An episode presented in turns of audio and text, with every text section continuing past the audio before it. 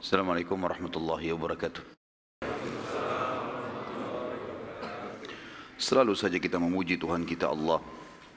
Zat yang paling pantas untuk dipuji, dicintai, ditunduki dan ditakuti. Satu-satunya zat yang telah menciptakan, mengurus, mengawasi semua yang di langit, semua yang di bumi dan semua yang di kedalaman lautan. Ilmunya meliputi segala sesuatunya. Tidak beranak dan tidak diperanakkan dan tidak ada sekutu bagian dalam setiap kegiatannya. Dia telah menggantungkan segala kebutuhan kita dengan kalimat sederhana dan penuh dengan berkah. Alhamdulillah. Maka sangat wajar di setiap awal aktivitas ataupun selesai dari aktivitas kita kita selalu mengucapkan kalimat ini. Selanjutnya kita panjatkan salam hormat kita penuh dengan cinta, rindu, penghormatan kepada manusia terbaik yang telah dipilih oleh Sang Pencipta Allah menutup risalah kenabian dan kerasulan. Manusia telah disempurnakan jalur nasabnya, ilmunya, fisiknya, sukses dalam kehidupan dunianya dan juga di akhiratnya. Demikianlah orang-orang yang mengikutinya pasti juga akan mendapatkan kesuksesan. Makanya Allah sebagai pencipta telah memerintahkan setiap manusia tidak terkecuali untuk menjadikannya sebagai suri tauladan terutama bagi orang-orang yang sudah beriman. Dan sang pencipta Allah bersama malaikatnya mengucapkan salam hormat secara langsung juga kepada manusia terbaik ini. Dan siapa pun yang mengucapkan salam hormat kepadanya akan dibalas oleh Allah secara spontan sepuluh kali salam secara langsung dari Allah. Maka sangat wajar kalau kita selalu mengucapkan salawat dan taslim kepada Nabi besar Muhammad sallallahu alaihi wasallam. Melanjutkan bahasan sirah kita semoga Allah berkahi. Setelah panjang lebar kita jelaskan tentang perang Hamrat Asad yang terjadi setelah perang Uhud dan juga pelajaran-pelajaran yang kita ambil dari perang Uhud yang sangat luar biasa.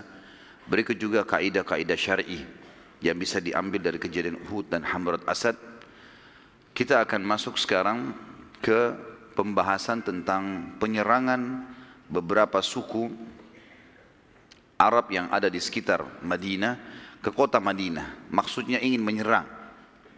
Dan ini semua adalah rentetan permasalahan yang terjadi di Uhud di pertengahan peperangan. Di awal peperangan muslimin memenangkan peperangan di tengah-tengah mereka dikalahkan lalu kemudian mereka menang lagi di Hamrat Asad. Hanya saja Hamrat Asad peperangan ini banyak juga di antara suku-suku Arab yang tidak sampai kepadanya berita itu. Jadi sebagian kecil dan Quraisy berusaha menyebarkan berita kalau mereka yang menang. Dan memang banyak suku-suku Arab terpengaruh dengan pendapat Quraisy ya, bahwasanya memang mereka yang menang. Padahal sebenarnya sudah kita jelaskan di Hamrat Asad Quraisy tidak berani untuk datang menemui muslimin dan muslimin sempat tinggal selama tiga hari di sana. Simpang siur, ada yang tangkap, ada juga yang tidak. Ringkas cerita teman-teman sekalian, ternyata ada beberapa suku-suku Arab yang berfikir untuk menyerang Madinah. Dikarenakan mereka mengetahui Uhud itu tempat lokasi di mana muslimin kalah adalah di depan pintu gerbang Madinah. Artinya di depan pintu gerbang Madinah saja muslimin kalah, ya, berarti sudah sangat lemah. Apalagi kalau mereka perang keluar dari kota Madinah. Maka perang yang terjadi Hamrat Asad dan Uhud itu terjadi Uhud tentunya di bulan Syawal tanggal 15 Syawal tahun 3 Hijriah dan Hamrat Asad tanggal 16 Syawal Nabi SAW pada saat itu menetap di Madinah setelah Hamrat Asad tidak keluar sama sekali bentuk pasukan atau menyerang, beliau tinggal kurang lebih dari bulan Syawal, Zul Qa'dah, Zul Hijjah, tiga bulan sampai bulan Muharram di tahun 4 Hijriah. Tidak ada peperangan. Nabi SAW fokus menyampaikan wahyu kepada para sahabat dari hukum-hukum syari yang turun pada saat itu. Sampai akhirnya baginda Nabi SAW mendengarkan teman-teman sekalian ada beberapa suku-suku Arab yang tamak untuk menyerang Madinah. Dan suku yang paling pertama ingin menyerang Madinah namanya suku As'ad bin Khuzaimah. Dan saya sudah bilang tadi bahasan kita di pagi hari, bagaimana orang-orang Arab itu kalau ada di antara mereka yang memiliki kelebihan fisik, ya, harta, keturunan, maka bisa ternisbatkan nama suku kepadanya. Maka ini nama orang Asad bin Khuzaimah, tapi karena dia orang yang kaya raya, punya keturunan banyak segala macam, akhirnya terbentuklah nama suku darinya. Kemudian berkembanglah juga kepada anak cucunya yang terus ya menjadi jumlah yang banyak, maka terbentuklah suku yang besar. Suku ini teman-teman sekalian, dipimpin oleh seseorang yang bernama Tulaiha. Tulaiha dan adiknya, Tulaiha si kakak, adiknya namanya Salama. Dua-duanya anaknya Khuwailid. Tulaiha ini perlu kita tahu juga, nanti dia akan mengaku sebagai seorang nabi. Salah satu yang mengaku nabi di jazirah nanti, nabi palsu tentunya, Tulaiha ini. Hanya saja dari tiga orang yang mengaku nabi, Tulaiha bin Khuwailid, ini nantinya taubat dia. Masuk Islam, dan dia taubat. Bahkan dia termasuk salah satu dari pasukan Umar bin Khattab yang menuju ke Qadisiyah memerangi Persia bersama uh, Sa'ad bin Abi Waqqas radhiyallahu anhu Kemudian ada Aswadul Unsi nanti terbunuh dan juga ada Musailamah al-Kadzab juga terbunuh setelah mereka mengaku sebagai nabi palsu. Saudara seiman, berita akan menyerangnya Tulaiha ke Madinah ini didengar oleh baginda Nabi SAW dan beliau akhirnya mengirim mata-mata ke sana. Dengan segera Nabi SAW menyiapkan pasukan yang kita sudah sebutkan dan sering kita sebutkan dengan istilah Sariyah. Masih ingat ya? Sariyah adalah jumlah tiga orang sampai seratus maksimal, namanya Sariyah. Kalau lebih dari seratus maka dikatakan Jaish, pasukan dalam bahasa Arab. Tapi kalau di bawah dari seratus namanya Sariyah. Nabi SAW menyiapkan Sariyah yang dipimpin oleh Abu Salamah. Riwayat lain mengatakan Abu Talha. Ada dua riwayat ya. Dengan kekuatan kurang lebih antara seratus orang ada riwayat yang mengatakan 150 orang, ada pasukan tambahan. Mereka menyerang ke suku As'ad sebelum mereka atau suku As'ad menyerang Madinah. Dan ternyata dalam kondisi mereka tidak sadar suku As'ad ini akan diserang. Mereka lalai dan setelah sholat subuh berhasil diserang oleh Abu Talha dan berhasil mengalahkan suku As'ad.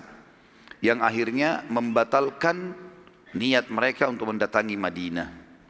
Dan tentu Abu Talha yang lebih tepatnya kan ada dua riwayat ada Abu Salamah tapi kita uh, ambilnya riwayat yang paling kuat Abu Talha radhiyallahu anhu yang sempat terluka parah di perang Uhud. Itu diutus oleh Nabi SAW jadi pimpinan sini dan dia pada saat pulang dari menyerang suku Asad ini dia pun mati terbunuh syahid. Dan lukanya di medan perang. Dan juga ulama mengeluarkan sebuah hukum siapa pun yang telah ikut berperang kemudian terluka di medan perang lalu dia pulang ke kampungnya atau ke kotanya dan dia termati kena mati kena luka itu terhitung syahid. Walaupun dia tidak mati di kancah peperangan karena lukanya menyebabkan dia mati. Yang luka itu didapatkan di kancah peperangan. Yang kedua suku Huzail. Kalau masih ingat tadi ada seseorang yang diutus oleh Quraisy untuk menakut-nakuti muslimin. Ya, itu dari suku Huzail. Setelah perang Uhud, tepatnya bulan Muharram juga masih di bulan Muharram, setelah selesai suku Asad tadi bin Huzaimah dikalahkan, datanglah kepada Nabi SAW dua suku Arab, namanya suku Adal dan Qara suku Adal dan Qara. Suku ini tidak terlalu dikenal karena suku yang cukup jauh dari uh, di ujung jazirah Arab, dekatnya di wilayah Najd, wilayah dekat negeri Syam. Mereka sempat datang kemudian meminta kepada Nabi SAW. Mereka pura-pura masuk Islam. Mereka datang, mereka syahadat di Madinah, berapa puluh orang gitu ya. Tidak disebutkan jumlahnya, tapi ada di sejarah mengatakan antara 40 sampai 50 orang. Mereka lalu masuk Islam dan mereka meminta agar Nabi SAW mengutus beberapa orang sahabat penghafal Al-Quran untuk menemani mereka. Pergi ke sukunya. Gitu. Dan Nabi SAW mengutus enam orang sahabat yang mulia. Yang pertama adalah Asim bin Thabit bin Abi Aqlah. Asim bin Thabit bin Abi Aqlah. Yang kedua Marthad bin Marthad Al-Ganawi. Marthad bin Marthad Al-Ghanawi. Yang ketiga Khalid bin Al-Bukhair. Khalid bin Al-Bukhair. Yang keempat Khubayb bin Adi. Khubayb bin Adi. Nanti saya ulangi lagi. Yang kelima Zaid bin Ad-Dathinnah. Yang terakhir Abdullah bin Tariq. Abdullah bin Tariq. Jadi Asim bin Thabit bin Abi Al-Aqla. Marthad bin Abi Marthad bin Marthad. Marthad bin Marthad Al-Ghanawi. Khalid bin Bukhair. Khubayb bin Adi, Zaid bin Ad-Dathinnah dan juga yang terakhir Abdullah bin Tariq radhiyallahu anhu majma'in. Semuanya ini penghafal Quran. Semua ini penghafal Quran dari sahabat Nabi ridwanullahi alaihim. Pada saat tiba melewati pemukiman suku Huzail, Ternyata kelompok ini kelihatan pengkhianatannya. Padahal mereka tadi sementara jalan mereka tunjukkan, mereka belajar sholat, mereka coba belajar baca Al-Quran setiap istirahat. Tapi begitu lewat di depan suku Huzail, kelihatan pengkhianatan mereka. Mereka cuma mau sahabat ini ikut sampai di situ dan suku Huzail ini suku yang sangat dekat dengan Mekah. Nanti kita lihat suku ini nanti di pembebasan sebelum pembebasan atau kesepakatan Hudaybiyah, mereka jadi baik, mereka akan mengikuti menjadi partnernya Nabi SAW, jadi sekutunya Nabi. Tapi pada saat ini kita ceritakan di awal-awal Islam. Maka kedua suku tadi, Adal dan Khara ini menangkap sahabat yang enam, kemudian menyerahkan kepada Huzail untuk menerima uang. Ini orang-orang dari Madinah muslimin kami serahkan pada kalian. Bayar duit kami tinggalkan. Dan Huzail memang sudah menawarkan, sudah menawarkan kepada Quraisy, hai Quraisy, kalau kami tawan orang Islam, apa kalian mau tebus? Ada kalau orang Muslim dari Madinah kami tangkap, kami serahkan kalian, mau tebus nggak? Orang Quraisy bilang bawa, siapa saja. Dan kalau kalian bawa, kami bayar berapa saja untuk membalas dendam karena uh, ada di antara mereka yang sempat terbunuh kerabatnya di perang Badr. Maka akhirnya suku Huzail pun mengepung sahabat tadi. Waktu mereka pas diserahkan, tentu enam orang ini tidak sempat diikat segala macam, tapi tiba-tiba saja suku Huzail disuruh kepung, ambil deh, tangkap aja. Dari enam orang sahabat ini teman-teman sekalian, ada tiga orang yang menolak untuk menyerahkan diri. Itu adalah Asim, yang tadi yang pertama kita sebutkan, Marthad, dan Khalid bin Al-Bukair. Tiga sahabat ini nolak. Menolak untuk menyerahkan diri. Dan ketiganya berkata, demi Allah kami tidak akan membuat perjanjian dan kesepakatan dengan kaum musyrikin. Enggak ada akad di sini. Karena kan mereka bilang, orang-orang Huzail mengatakan, sudahlah, kami tidak mau membunuh kalian. Enggak usah melawan, serahkan diri. Kami hanya serahkan kalian kepada Quraisy. Kami mau duit. Mau harta. Ternyata tiga orang ini nolak, enggak mau. Akhirnya mereka menghembuskan pedang dan mereka berperang. Sampai akhirnya ketiganya mati syahid. Ketiganya sahabat ini radhiyallahu anhu mati syahid. Ya. Maka tersisa tiga orang yang lain, yang tiga orang ini menyerahkan diri. Zaid ibn Dathinnah dari Khubayb ibn Adi, Khubayb ibn Adi dan juga Abdullah bin Tariq. Tiga orang ini menyerahkan diri. Ditawanlah. Huzail membayar kepada dua suku tadi, Adi dan Qara ini Kemudian uh, Huzail membawa ketiga orang ini mau maksudnya membawa ke, ke Mekah untuk diserahkan. Pada saat tiba di lokasi namanya lintasan Zahran, artinya sebuah padang pasir sering dilintasi oleh para kafilah-kafilah. Abdullah bin Tariq radhiyallahu anhu sempat melepaskan tali ikatan dan akhirnya dia melawan sendiri. Dia melawan sendiri sampai akhirnya berhasil meloloskan diri, maaf, berhasil melawan tapi terbunuh syahid juga. Jadi sekarang tinggal dua sahabat. Tinggal Zaid ibn, Zaid, Zaid ibn Dathinna dan juga Hubayb ibn Adi. Kedua sahabat ini dijual ke Mekah. Hubayb bin Adi radhiyallahu anhu dibeli oleh Hujair. Yang membeli dia Hujair ibn Ahab atau ibn Ihab At-Tamimi. Siapa Hujair ini teman-teman sekalian yang membeli Hubayb? Hujair adalah saudaranya Al-Harith bin Amir bin Naufal. Al-Harith bin Amir bin Naufal, ya, jadi Hubaib bin Adi dijual ke seseorang bernama Hujair bin Ihab At-Tamimi, Hujair bin Ihab. Hujair bin Ihab ini sengaja membeli ya, Hubaib karena dia adalah saudaranya Al-Harith. Namanya saudaranya Hujair yang membeli si Hubaib ini adalah Al-Harith bin Amir bin Nufail.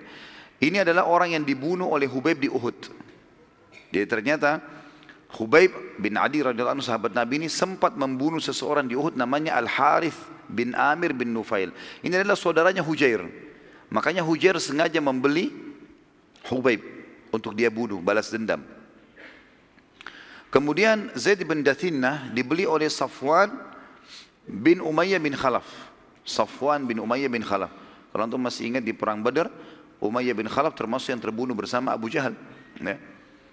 Dan Anaknya, anaknya Umayyah bin Khalaf namanya Safwan menjadi pengganti ayahnya jadi kepala suku di Mekah. Dia bilang, dia iklankan siapa saja yang menyerahkan kepada saya muslim. Siapa saja muslim, maka saya akan bayar berapa saja dan saya akan bunuh. Sebagai ganti karena ayahnya terbunuh di perang Badr. Kedua sahabat ini akhirnya dibunuh. Dan keduanya mati syahid. Keduanya mati syahid. Suku Huzail pada saat menyerahkan Asim, maka maaf, eh, suku Huzail sempat membunuh Asim. Ingatkan tadi tiga orang yang sempat melawan di antaranya Asim. Asim ini waktu berperang melawan dia dengan tiga dua orang temannya, tiga orang akhirnya terbunuh awal karena tiga orang ditawan, tiga orang melawan awal. Asim salah satunya. Waktu mereka membunuh Asim dan mereka memotong kepalanya Asim, memotong kepala Asim dilepaskan, mereka niatnya ingin menjual kepala Asim kepada seorang wanita bernama Sulaf, Sulai, Sulafa ya. Ada Sulafa dan mengatakan Sulaifa. Namanya Sulafa binti Sa'ad.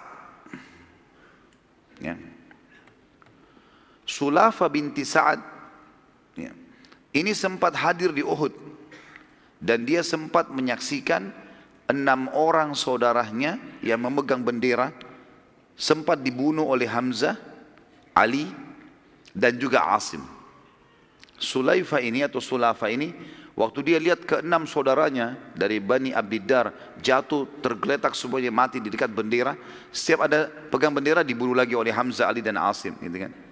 Waktu enam orang jatuh ini kebetulan saudaranya yang keenam yang pegang bendera yang membunuh yang menusuknya Asim. Dan dia lihat maka Sulafa mengeluarkan instruksi di, di pasukan Quraisy waktu itu di perang Uhud Siapa pun yang mendatangkan kepada saya batok kepalanya Asim, maka saya akan isi batok kepalanya dengan emas untuk saya bayar. Jadi batok kepalanya nanti kalau saya dapatkan, saya akan bersihkan, dikeluarkan semua isi otaknya, saya akan isi dengan emas. Sebesar itu saya akan kasih ke orang yang memberikan batok kepalanya. Oleh karena itu suku Huzail tamak pada saat itu. Mereka pada saat membunuh Asim, mereka membawa kepalanya dengan niat mau dijual kepada Sulafa tadi binti Sa'ad bin Syahid ya, yang hadir di Uhud pada saat itu.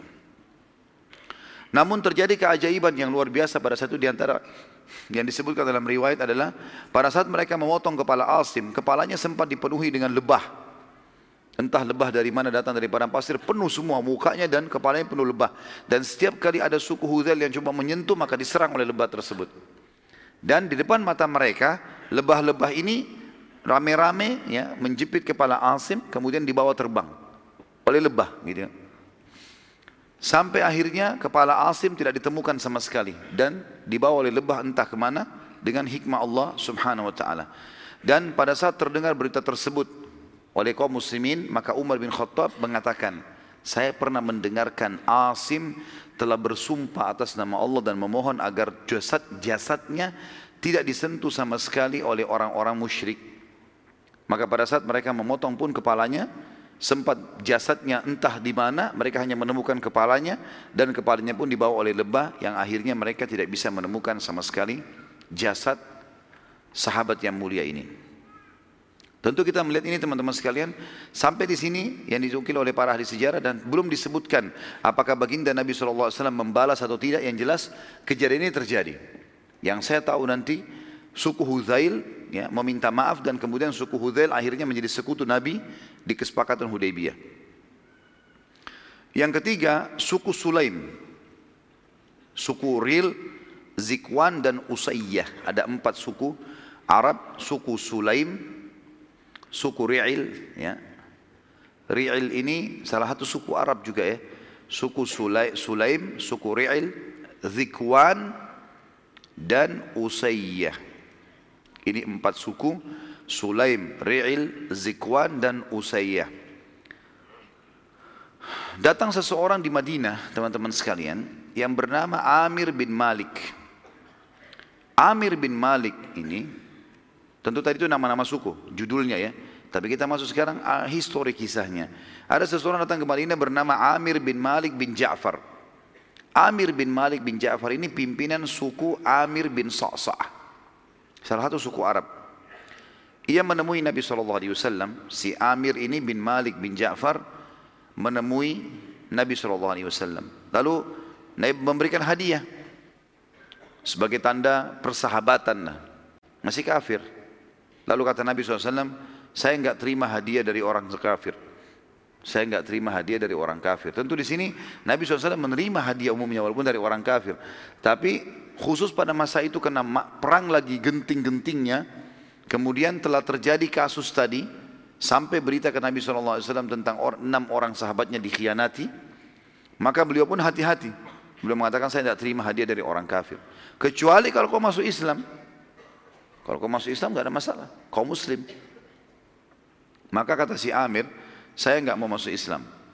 Saya tidak akan masuk Islam, tetapi kalau anda mau, kalau anda mau, saya akan coba ya menyebarkan agama anda yang di suku saya. Tapi dengan syarat harus ada sahabat anda yang berangkat. Harus ada orang yang berangkat. Nabi SAW masih trauma dengan enam orang yang dibunuh tadi. Sampai beritakan Nabi SAW. Juga ada riwayat tadi saya lupa sampaikan teman-teman Asim pada saat jasadnya dicari maka bumi yang ada jasadnya terbuka dan menanamkan memasukkan jasadnya sementara kepalanya dibawa oleh lebah tadi yang lupa saya sampaikan maka kata Nabi SAW, apa jaminanmu?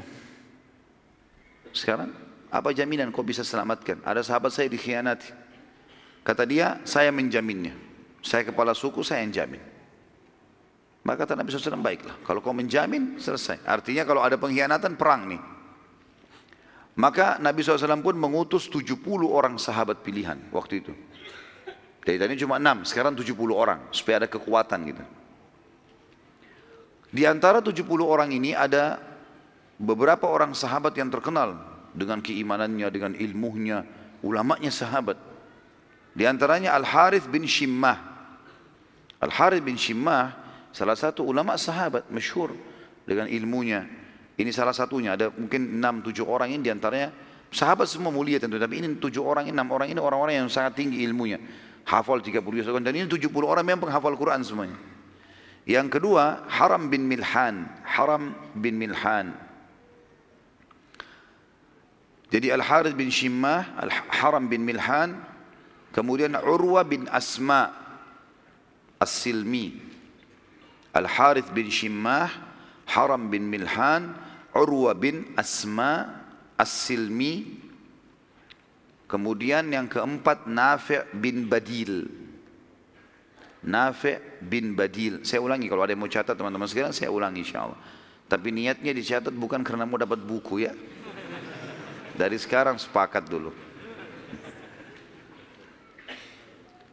Al-Harith bin Shimmah yang pertama, kemudian Haram bin Milhan, kemudian Urwa bin Asma As-Silmi, Urwa bin Asma As-Silmi, kemudian Nafi' bin Badil bin Waraqah.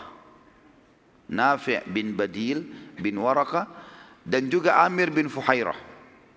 Ini kurang lebih di antara 70 ada empat ada empat atau lima enam orang ini ya. Al Harith bin Shimmah, Haram bin Minhan, Urwa bin Asma As-Silmi, Nafi' bin Badil bin Waraqah dan Amir bin Fuhairah.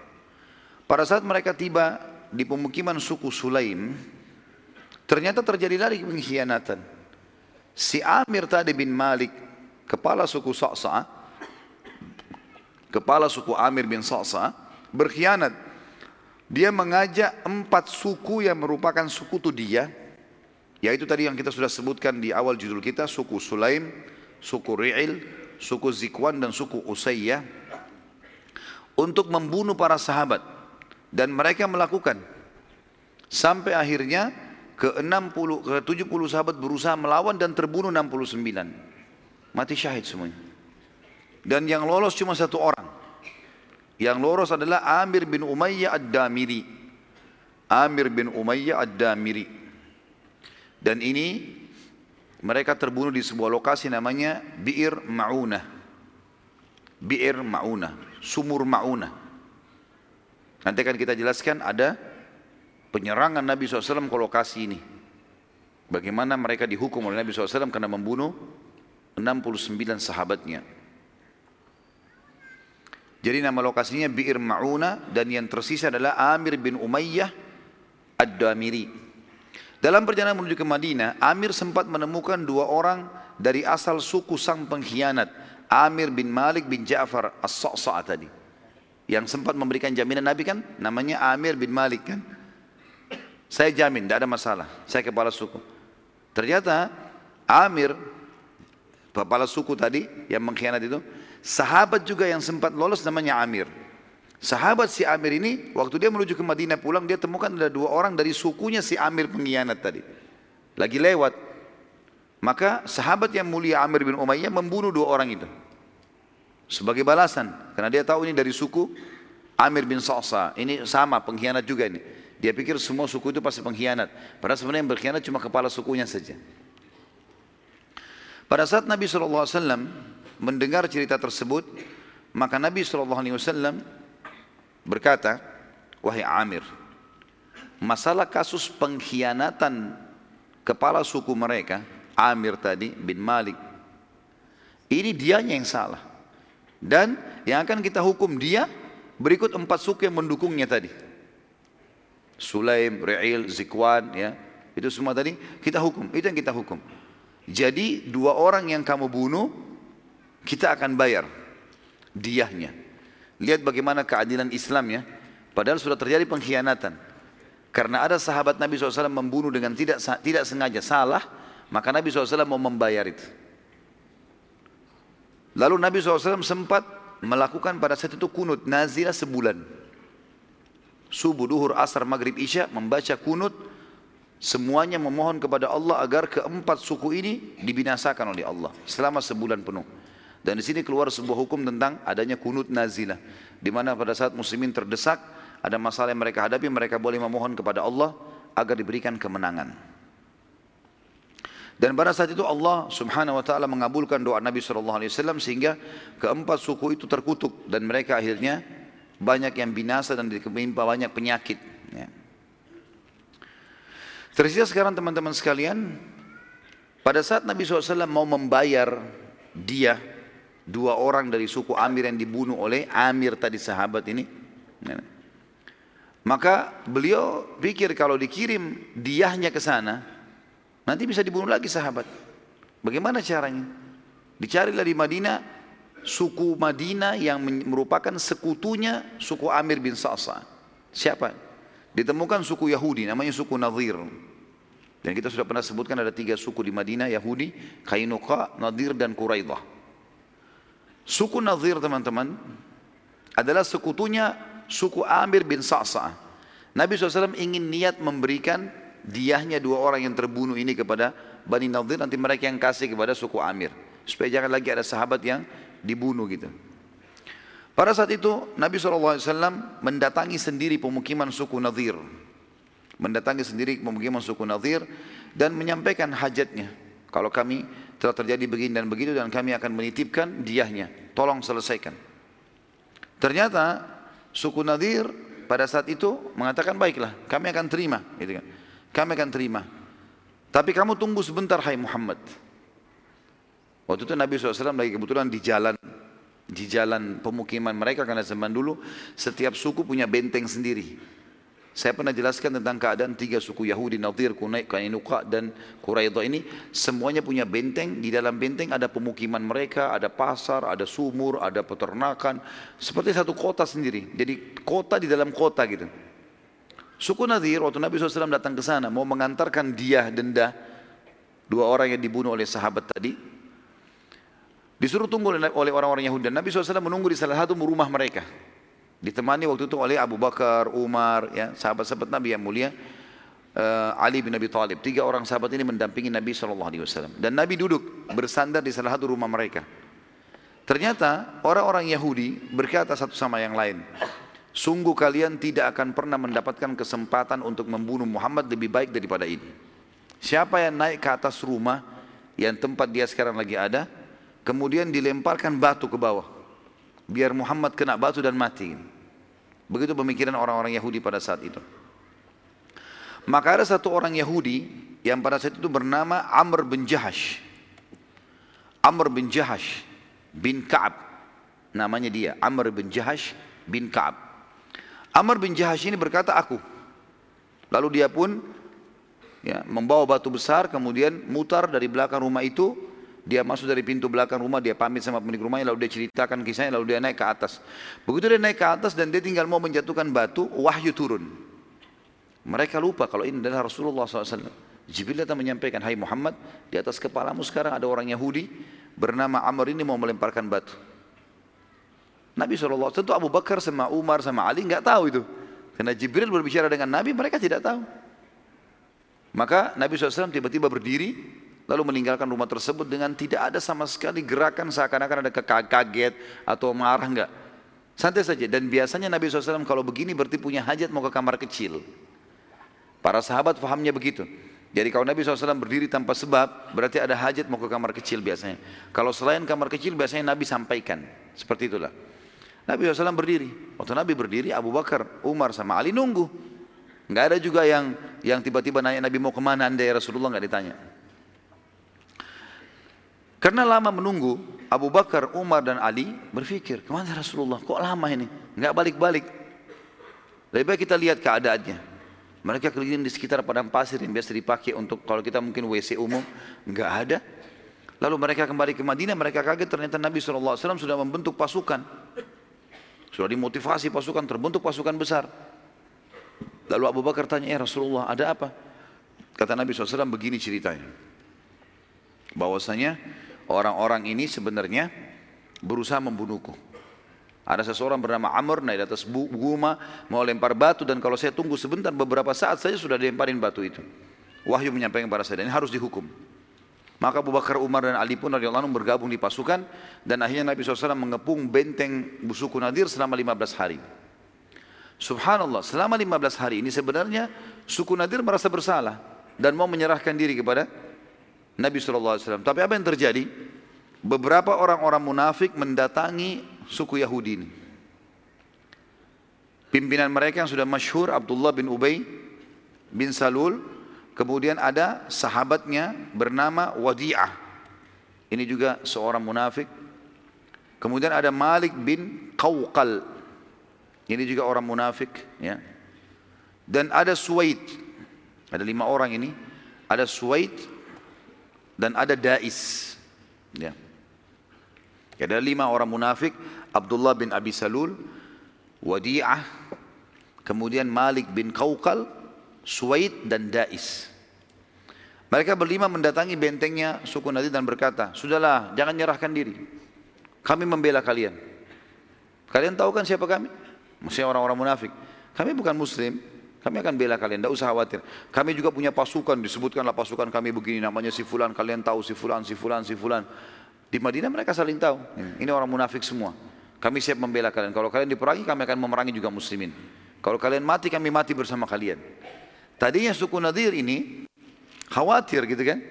Mereka menyerahkan diri, tapi karena motivasi dari orang-orang munafik ini, akhirnya mereka tidak jadi. Mereka tidak jadi menyerahkan diri dan mereka akhirnya mau melawan.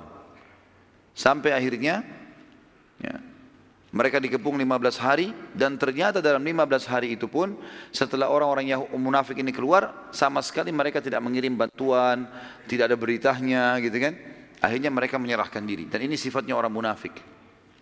Orang munafik subhanallah biasa gitu. Sama kaum muslimin benci, sama orang kafir penjilat. Ya, dan dusta semua hidupnya. Dan kita tahu surah An-Nisa menjelaskan masalah itu.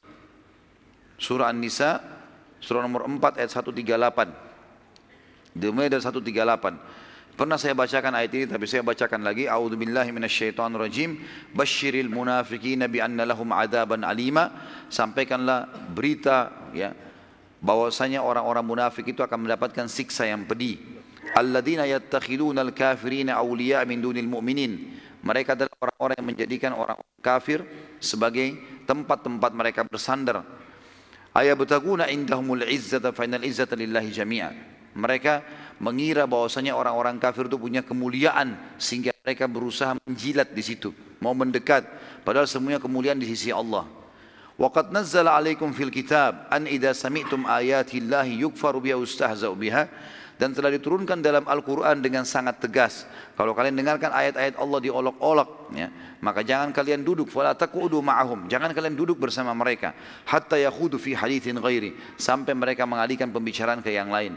Innakum idam mithluhum. Kalau kalian ikut-ikutan sama orang-orang munafik itu, orang-orang kafir itu, maka kalian sama saja dengan mereka. Inna Allah jami'ul munafikina wal kafirina fi jahannam jami'a. Sesungguhnya Allah pasti akan mengumpulkan orang-orang kafir dan orang munafik dalam neraka jahannam bersama-sama. Sifat orang munafik disebutkan alladzina yatarabbasuna bikum yaitu orang-orang yang selalu mencari kejadian-kejadian untuk kalian atau terhadap kalian hai kaum muslimin fa lakum fathum min Allah kalau kalian dapat kemenangan dari sisi Allah qalu orang-orang munafik berlumba-lumba berkata alam nakum ma'akum? Bukankah kami juga umat Islam sama dengan kalian? Kami kan juga namanya si fulan si fulan orang muslim ya. wa in lil kafirin nasib. Dan kalau seandainya orang kafir yang mendapatkan kemenangan, qalu alam nastahwid alaikum, bukankah kami telah memenangkan kalian wa namna'kum minal mu'minin dan kami melarang atau menahan kalian dari orang-orang beriman? Lalu mereka mengatakan, ya, bukankah kami telah memenangkan kalian dari kaum mukminin dan juga kami menahan kalian, uh, kami telah memenangkan kalian dan kami menahan kalian dari orang-orang beriman?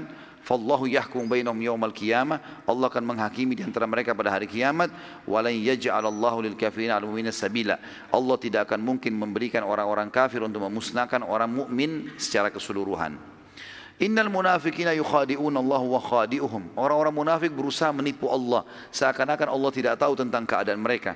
Padahal Allah sedang menipu, membalas tipu muslihat mereka. Wa idha qamu ila salati qamu kusala. Mereka kalau bangun salat mereka sangat malas. Yura'unan nas, kalaupun mereka sholat mereka hanya ingin pujian manusia. Wala Allah illa qalila. Mereka tidak pernah berzikir kepada Allah kecuali sedikit sekali. Mudabdabina baina dhalik, mereka bimbang, bingung antara kafir dan keimanan. La ilaha ula'i wa la ilaha ula. Mereka tidak menjadi orang beriman, tidak juga menjadi orang kafir. Wa may yudlillahu falan tajri lahu sabila. Siapa yang telah Allah sesatkan maka kalian tidak akan dapatkan petunjuk baginya. Lalu kemudian sebagai penutup teman-teman dan kita break untuk sholat dulu insya Allah. Ternyata di sini semua yang mereka sampaikan kepada orang-orang Yahudi bohong dan dusta. Tidak ada dukungan juga tidak ada bantuan dari mereka yang akhirnya Allah Azza wa Jal memasukkan rasa takut dalam hati suku Nadir dan mereka meminta perdamaian dengan Nabi sallallahu alaihi wasallam. Dan insyaallah kita akan sampaikan atau lanjutkan sebentar lagi bahasan kita. Subhanakallahumma bihamdika asyhadu an la ilaha illa anta astaghfiruka wa atubu ilaik. Wassalamualaikum warahmatullahi wabarakatuh. Assalamualaikum warahmatullahi wabarakatuh. Alhamdulillah wassalatu wassalamu ala Rasulillah. Segala puji bagi Allah Subhanahu wa taala. Juga salawat dan taslim kepada Nabi besar Muhammad sallallahu alaihi wasallam. Tadi kita sudah sampai masalah suku Nadir. Di mana mereka akhirnya menyerahkan diri kepada baginda Nabi SAW setelah 15 hari dikepung. Dan setelah ternyata terbukti kebohongan orang-orang munafik yang katanya mau membela mereka. Dan memang ini sudah menjadi sebuah tradisi dari orang-orang munafikin. Mereka selalu memusuhi Islam dan mereka selalu menjilat dan menipu orang-orang kafir. Juga sudah kita bacakan beberapa ayat Al-Quran dalam surah An-Nisa yang menjelaskan masalah ciri-ciri khasnya orang-orang munafik itu. Di antara suku Nadir pada saat mereka menyerahkan diri, mereka tadinya minta damai. Tadinya Nabi SAW sebenarnya cuma minta si Amr saja yang bawa batu di atas rumah itu. Itu serahkan ke kami. Mereka nggak mau. Karena nggak mau akhirnya semua suku dikepung. Kalau mereka serahkan, maka selesai urusannya. Orang itu yang dihukum, tapi ini tidak. Maka akhirnya dikepung semua dan mereka sampai menyerahkan diri pun tidak mau menyerahkan si orang yang niat mau membunuh tadi. Maka Nabi SAW mengatakan, saya hanya akan sepakat dengan kalian kalau kalian tunduk dengan hukumku. Maka mereka pun sepakat dan Nabi SAW menyetujui syarat-syarat atau menulis syarat-syarat dan di antara syaratnya Nabi SAW adalah mereka harus meninggalkan Madinah dan mereka tidak boleh membawa apa pun kecuali untah mereka saja. Ya. Maaf, mereka boleh membawa apa saja yang mampu diangkat oleh untah mereka. Yang lain tidak bisa kayak rumah, kebun-kebun tentu tidak bisa. Mereka hanya bisa membawa apa yang mampu diangkat oleh untahnya. Dan di antara suku Nadir ada yang masuk Islam. Dua orang, orang Yahudi Yamair bin Amr bin Ka'ab. Yamair bin Amr bin Ka'ab radhiyallahu anhu dan juga Abu Sa'ad bin Wahab. Yamair bin Amr bin Ka'ab dan Abu Sa'ad bin Wahab. Sehingga akhirnya Nabi SAW mengembalikan harta mereka. Karena mereka masuk Islam, dikembalikan semua apa yang tadi diambil oleh Nabi SAW. Harta suku Nadir dibagi oleh baginda Nabi SAW kepada seluruh muhajirin yang pertama masuk Islam dari Mekah dan dari orang Ansar diberikan dua orang saja. Sahal bin Hunayf dan Syammah bin Kharashah. atau Abu Dujana. Dua orang sahabat Nabi dapat ghanimah dari dari dari orang-orang Ansar cuma dua orang. Sahal bin Hunayf dan Syammah bin Kharasha atau Abu Dujana. Kejadian ini terjadi teman-teman sekalian di bulan Rabiul Awal tahun 4 Hijriah.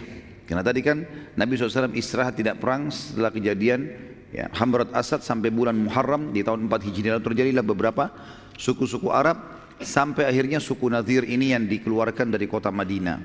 Dan Allah subhanahu wa ta'ala mengekalkan dalam Al-Quran cerita tentang pengusiran suku Nadir dari Madinah dan pengkhianatan mereka ini. Dalam surah Al-Hashr, lengkap satu surah itu turun untuk mereka. 24 ayat. Dan bagi teman-teman yang mau menghafal surah-surah, ya, untuk menambah hafalan surah, termasuk surah ini mulia ini. Karena surah ini tidak panjang ya, 24 ayat dan menceritakan tentang kejadian mereka. Saya akan bacakan A'udzu billahi minasyaitonir surah Al-Hasyr surah nomor 59 ayat 1 sampai ayat 24. Sabbaha lillahi ma fis samawati wa ma fil ardi wa huwal azizul hakim. Telah bertasbih kepada Allah semua yang ada di langit dan di bumi dan dialah yang maha perkasa lagi maha bijaksana. Ayat ini turun kejadian pengusiran suku Nadir pada saat mereka dikepung 15 hari itu. Lalu Allah mengatakan huwallazi akhrajal ladina kafaru min ahli alkitab min diyarihim li awwalil hashr. Ma dhanantum an yakhruju wa dhannu annahum mani'atuhum husunuhum min Allah fa'atahum Allah min haythu lam yahtasibu. وكذب في قلوبهم الرعب يخربون بيوتهم بأيديهم وأيدي المؤمنين فاعتبروا يا أولي الأبصار. Dialah Allah yang telah mengeluarkan orang-orang kafir dari ahli kitab dari kampung-kampung mereka maksudnya benteng mereka. Pada saat pengusiran yang pertama yang dimaksud adalah orang-orang Bani Nadir karena mereka yang mula-mula dikumpulkan dan diusir dari kota Madinah. Kalian sempat menyangka, hai muslimin, bahwasanya mereka tidak akan keluar. Ya. Dan mereka pun yakin mereka bahwasanya benteng-benteng mereka dapat mempertahankan mereka dari siksa Allah. Maka Allah mendatangkan kepada mereka hukuman dari arah yang mereka tidak sangka-sangka. Dan Allah memasukkan ketakutan dari dalam hati mereka. Mereka merusak rumah-rumah mereka dengan tangan-tangan mereka sendiri dan tangan orang-orang mukmin. Maka ambillah pelajaran dari kejadian itu hai orang-orang yang mempunyai wawasan atau akal. Jadi ayat ini, ayat nomor dua ini yang paling tegas menjelaskan masalah keadaan mereka. Jadi waktu Nabi SAW mengatakan kalian harus diusir dari Madinah. Sepakat keluar, kalau enggak dibunuh. Dan hanya boleh bawa barang yang dinaikkan di atas unta saja. Rupanya karena mereka sakit hati, mereka sempat merusak rumah-rumah mereka dengan tangan mereka sendiri. Maksudnya supaya tidak dipakai oleh muslimin. Nanti kan? Ternyata di antara muslimin ada yang datang membantu mereka ngurusin rumahnya. Nanti kita tidak butuh rumah kalian kok. Tidak butuh, keluar saja gitu. Allah mengatakan ambil pelajaran dari situ. Suku Nadir ini teman-teman sekalian memiliki di dalam benteng itu sekitar seribu personil perang, ahli perang, prajurit dan mereka masih mempunyai sekian ribu orang yang memang bukan personil perang tapi bisa dipakai tenaganya. Yang mengepung mereka hanya segelintir berapa ratus sahabat gitu kan, bersama Nabi SAW. Tapi Allah mendatangkan ketakutan-ketakutan pada mereka sehingga akhirnya mereka menyerahkan diri dan beginilah selalu keadaan peperangan muslimin kalau memang mereka ikhlas kepada Allah walaupun jumlahnya lebih sedikit pasti Allah berikan kemenangan ayat 3 walaula an kataballahu alaihimul jalaa la'adzabahum fid dunya walahum fil akhirati adzabun nar dan jika saja ya, atau jika tidaklah Allah jika tidak karena Allah telah menetapkan pengusiran terhadap mereka benar-benar Allah akan mengadab mereka di dunia dan bagi mereka di akhirat adab yang adab neraka. Kalau bukan kalau bukan Allah mudahkan kalian mengusirnya hai muslimin, mereka tetap akan Allah siksa dalam benteng mereka. Jadi semuanya itu adalah penghinaan. Dan di akhirat juga kalau mereka tidak sempat taubat, tidak masuk Islam, pastilah mereka akan masuk ke dalam neraka jahanam. Dzalika bi annahum syaqqullaha wa rasulah wa man yushaqillaha fa innallaha syadidul. Demikian itu karena mereka menentang Allah dan Rasulnya. Barang siapa yang menentang Allah dan Rasulnya, sesungguhnya Allah sangat keras hukumannya.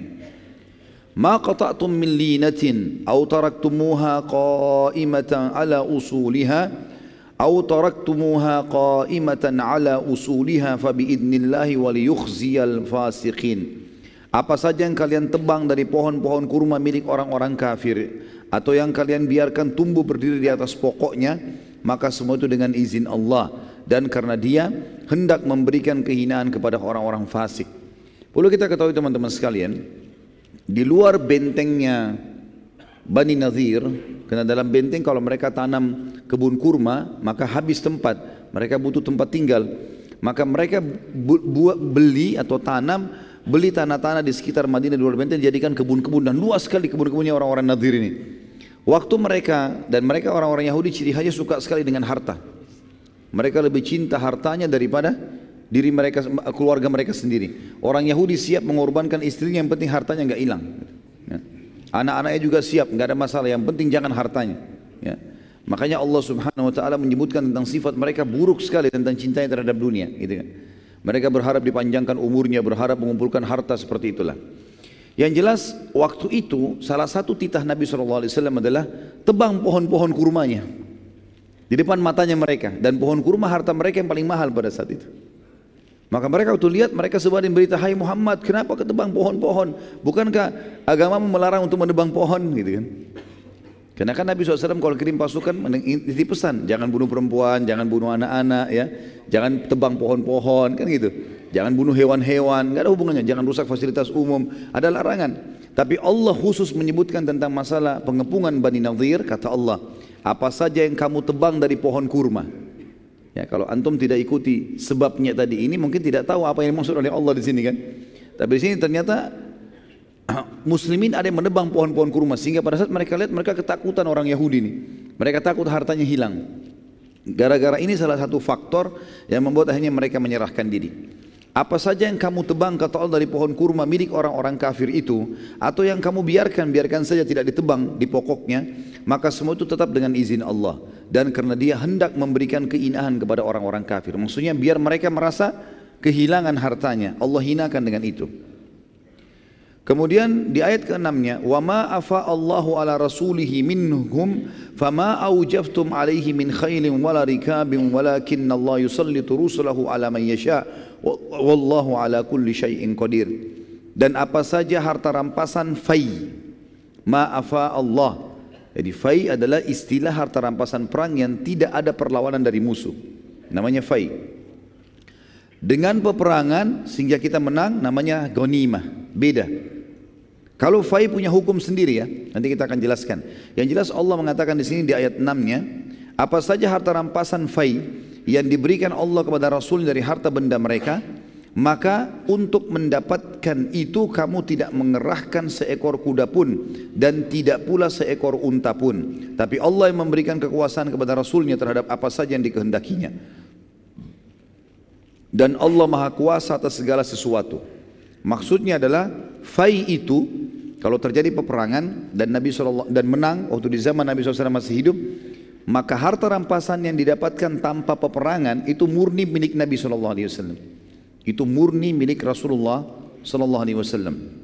Dan beliau punya hak memberikan kepada siapa saja. Makanya tadi fainya Bani Nadir diberikan kepada orang-orang muhajirin dan dua orang ansar saja. Yang dianggap miskin, yang lain tidak dikasih orang ansar. Dan Allah menyebutkan kenapa? Karena tidak ada peperangan. Tidak ada kalian gerakkan seekor kuda ataupun seekor unta untuk menyerang musuh. Maka itu fai namanya. Ya. Lalu kemudian Allah mengatakan juga di ayat tujuhnya, Ma afa Allahu ala rasuli min ahli al-qura fadillahi walir rasuli wadil kurba wal yatama wal masakin wal yatama wal masakin wa ibnis sabili kay la yakuna dulatan bainal agniya'i minkum wa ma atakumur rasulu fakhudhu wa ma nahakum anhu fantahu wattaqullah innallaha syadidul iqab apa saja harta rampasan fai yang didapatkan tanpa peperangan yang diberikan Allah kepada Rasulnya dari harta yang dari penduduk kota-kota maka itu adalah milik Allah Rasul kaum kerabat anak-anak yatim maksudnya kerabat Nabi SAW yang Nabi anak-anak yatim orang-orang miskin dan orang-orang yang dalam perjalanan dan terputus jalan supaya harta tersebut tidak beredar di antara orang-orang kaya saja di antara kalian. Apa yang diberikan Rasul kepada kalian, terimalah. dan apa yang dilarang bagi kalian tinggalkanlah.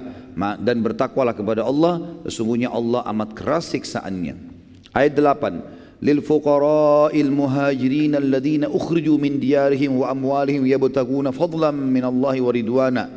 Yabtaguna fadlan min Allah wa ridwana wa yansuruna Allah wa rasulah ulaika humus sadiqun. Juga harta tersebut fai diberikan kepada orang-orang fakir yang hijrah dari Mekah, yang diusir dari kampung halaman mereka dan dari harta benda mereka karena mencari karunia dari Allah dan keridoannya dan mereka menolong Allah dan Rasulnya. Mereka itu adalah orang-orang yang jujur. Ayat 9. والذين تبوأوا الدار والإيمان من قبلهم يحبون من هاجر إليهم ولا يجدون في صدورهم حاجة مما أوتوا ولا يجدون في صدورهم حاجة مما أوتوا ويؤثرون على أنفسهم ولو كان بهم خصاصة ومن يوق شح نفسه فأولئك هم المفلحون dan Allah memuji orang-orang Ansar orang-orang yang telah menempati kota Madinah dan telah beriman maksudnya orang Ansar sebelum kedatangan para muhajirin mereka orang Ansar mencintai orang-orang yang berhijrah kepada mereka dan mereka orang-orang Ansar tidak menaruh keinginan dalam hati mereka terhadap apa-apa yang diberikan kepada muhajirin. Artinya Allah pastikan, fai ini pun hai Muhammad kalau kau berikan kepada muhajirin, tidak diberikan kepada Ansar, enggak usah khawatir. Orang Ansar tidak akan pernah ada masalah dengan hati mereka. Karena mereka suka dan cinta dengan saudara yang hijrah. Dan ini pujian Allah untuk penduduk Madinah secara khusus. Dan mereka mengutamakan orang-orang muhajirin atas diri mereka sendiri sekalipun mereka dalam keadaan kesusahan. Dan siapa yang dipelihara dari kekiran dirinya maka mereka itu adalah orang-orang yang beruntung. Jadi ada alasan kenapa Allah subhanahu wa ta'ala menyuruh Nabi Muhammad SAW membagikan fai kepada muhajirin dan cuma dua orang dari ansar. Karena itu haknya Allah dan Rasulnya secara mutlak dan memang orang-orang muhajirin layak dibantu terutama orang-orang miskin di antara mereka. Ya. Sebagian ahli sejarah mengatakan orang-orang kaya muhajirin tidak tidak dapatkan seperti Abu Bakar, ya Uthman bin Affan yang kaya-kaya tidak mendapatkan fai dari tadi sini, tapi orang-orang miskin di antara mereka sebagaimana Allah sudah sebutkan. Kemudian dikatakan selanjutnya, والذين جاءوا من بعدهم يقولون ربنا اغفر لنا ولإخواننا الذين سبقونا بالإيمان ولا تجعل في قلوبنا غلا للذين آمنوا ربنا إنك رؤوف رحيم dan orang-orang yang datang sesudah mereka para muhajirin dan ansar setelah dengar kisah ini, kita-kita sekarang termasuk kena ayat ini. Mendengarkan kisah ini, tidak akan pernah lagi ada fikiran kita sebagaimana orang-orang Ansar tidak pernah berfikir. Jangan ada di antara kita terfikir teman-teman sekalian, loh kenapa Rasulullah cuma kasih orang muhajirin ya? Kenapa orang Ansar nggak dikasih? Sudah dijawab di sini. Jangan lagi kalian balas, jangan lagi bimbang dengan itu, tapi katakanlah Kata Allah SWT, orang-orang yang datang sesudah mereka, para muhajirin dan ansar, yang baca Al-Quran, mereka malah berdoa, Ya Rob kami, berikanlah ampunan untuk kami dan saudara-saudara kami yang telah beriman lebih dulu daripada kami. Dan jangan engkau membiarkan kedengkian dalam hati kami terhadap orang-orang yang beriman. Ya Rob kami, sesungguhnya engkau maha penyantun lagi maha penyayang. Dan ayat ini yang digunakan oleh ulama ahli sunnah yang sangat tegas, membantah pemahaman syiah yang menghina-hina para sahabat apalagi sampai mengkafirkan. Karena di sini Allah Subhanahu wa taala memerintahkan kita semua yang datang setelah Muhajirin dan Ansor mendoakan agar mereka mendapatkan pengampunan dan tambahan rahmat. Ayat 11. Alam tara ila alladhina nafaqu yaquluna li ikhwanihim alladhina yaquluna li ikhwanihim alladhina kafaru min ahli alkitabi la in ukhrijtum lanukhrijan lanakhrujanna ma'akum wa la nutiyu abada wala nuti'u fikum ahadan abada wa in kul wa in kutiltum lanansurannakum wallahu yashhadu innahum ingatlah pada saat ya apakah kamu tidak memperhatikan kata Allah maaf apa apakah kamu tidak memperhatikan orang-orang munafik yang telah berkata kepada saudara-saudara mereka dari orang kafir? Allah membongkar kedoknya empat orang munafik tadi yang memberikan jaminan suku Nazir nggak apa-apa nggak usah menyerahkan diri kami akan tolong kalian Allah bongkar kedok mereka. Apakah kamu tidak memperhatikan orang-orang munafik yang berkata kepada saudara-saudara mereka dari orang kafir, ahli kitab?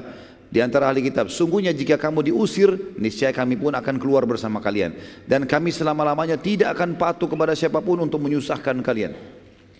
Dan jika kamu diperangi, pasti kami akan membantu kalian. Dan Allah menyaksikan bahwa sungguhnya orang-orang munafik itu benar-benar pendusta. Ayat 12, la in ukhriju la yakhrujuna ma'ahum wa la in kutilu la yansurunahum wa la in nasaruhum la yuwallunna al-adbara thumma la yunsarun.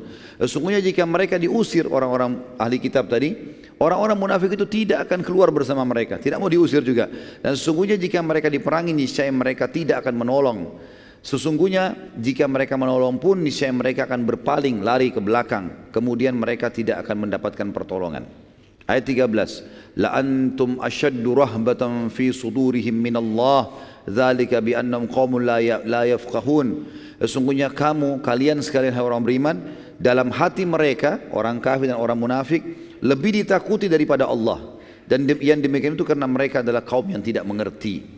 Ayat 14 La yuqatilunakum jami'an illa fi quram sanatin aw min wara'i judur ba'suhum bainahum syadid tahsabuhum jami'an wa qulubuhum syatta dzalika bi annahum qaumun la mereka tidak akan memerangi kalian hai orang-orang beriman dalam keadaan bersatu padu. Kecuali dalam kampung-kampung yang berbenteng atau di balik tembok. Permusuhan di antara mereka orang-orang Yahudi dan orang munafik itu sangat hebat. Jangan kita kira bahwa mereka bersatu. Kalian kira mereka itu bersatu Sedangkan hati mereka sebenarnya berpecah belah. Yang demikian itu karena sungguhnya mereka adalah kaum yang tidak mengerti. Ayat 15. Kama salil ladina min qablihim qariba dhaku wabala amrihim walahum adzabun alim. Mereka adalah seperti orang-orang Yahudi yang belum lama ya sebelum mereka telah merasai akibat buruk dari perbuatan mereka dan bagi mereka adab yang pedih. Kalau antum masih ingat kisah tentang suku Bani Kainuqa. Bani Kainuqa, suku Kainuqa yang pernah ada seorang sahabat belanja di pasar mereka kemudian dipermalukan oleh satu tokoh Yahudi orang Yahudi ditaruh dicantolin besi tajam lalu waktu sahabat itu berdiri tercobek bajunya. Ya kemudian lewat seorang sahabat Nabi dia dipermalukan muslimah lalu kemudian dibunuh si Yahudi pemilik toko lalu sahabat ini dibunuh dikeroyoki satu pasar. Sahabat sempat melapor ke Nabi SAW ya Rasulullah begini begini. Maka Nabi bentuk pasukan dikepung suku Kainuqa Nabi minta itu yang bunuh yang muslim, yang muslim dibunuh, serahkan kepada kami. Mereka enggak mau, dikepung, diusir dari Madinah. Allah sebutkan keadaan mereka orang-orang Nadir ini mirip dengan orang-orang Yahudi sebelumnya. Mereka lakukan kesalahan maka diusir juga gitu. Ayat 16-nya, "Kamathali syaitani idh qala lil insani kfur falamma kafara qala inni bari'um mink." Qala inni bari'um minka inni akhafu Allah rabbal alamin. Bujukan orang-orang munafik kepada orang kafir itu seperti bujukan syaitan. Ketika dia berkata kepada manusia, kafirlah kamu. Maka tak kala manusia itu kafir, ia berkata, sungguhnya aku berlepas diri dari kalian. Karena sungguhnya aku takut kepada Allah, Rabb semesta alam. Jadi orang-orang kafir itu sebenarnya, termasuk di Indonesia di mana-mana. Kalau mereka tahu orang-orang munafik itu sebenarnya hanya menjilat saja. Ini Allah bongkar kedoknya kepada kita. Kita umat Islam tahu siapa mereka. Nah statusnya muslim tapi jauh dari agama, benci dengan Islam. Tidak ada yang diberi, di zaman Nabi SAW tidak ada munafik diberikan jabatan. Enggak pernah pemimpin perang, enggak pernah diamalkan kota Madinah, enggak pernah Nabi suruh kumpulin zakat, enggak pernah apa-apa. Nabi enggak pernah dibatin mereka. Tapi Nabi sampaikan ke sahabat, ini orang-orang begini, begini, begini cirinya. Nanti setelah pembebasan kota Mekah kita lihat bagaimana Allah beberkan mempermalukan orang-orang munafik luar biasa. Sampai namanya Nabi sebut, si fulan munafik, si fulan munafik, si fulan munafik. Nabi sebut. Seperti itulah. Ya. Yang jelas orang-orang kafir kalau tahu ayat-ayat ini mereka pasti tahu. Tidak boleh mereka bekerjasama dengan umat Islam yang menjilat mereka. Karena pasti-pasti orang munafik. Orang muslim yang sejati tidak bakal kerjasama sama orang kafir dalam masalah-masalah seperti itu. Dikatakan di sini di ayat 17-nya Fakana akibatuhuma annahuma fin nari khalidaini fiha wa dzalika jazaa'u zalimin. Maka kesudahan keduanya orang kafir dan orang munafik pasti masuk ke neraka mereka kekal di dalamnya demikianlah balasan bagi orang-orang zalim.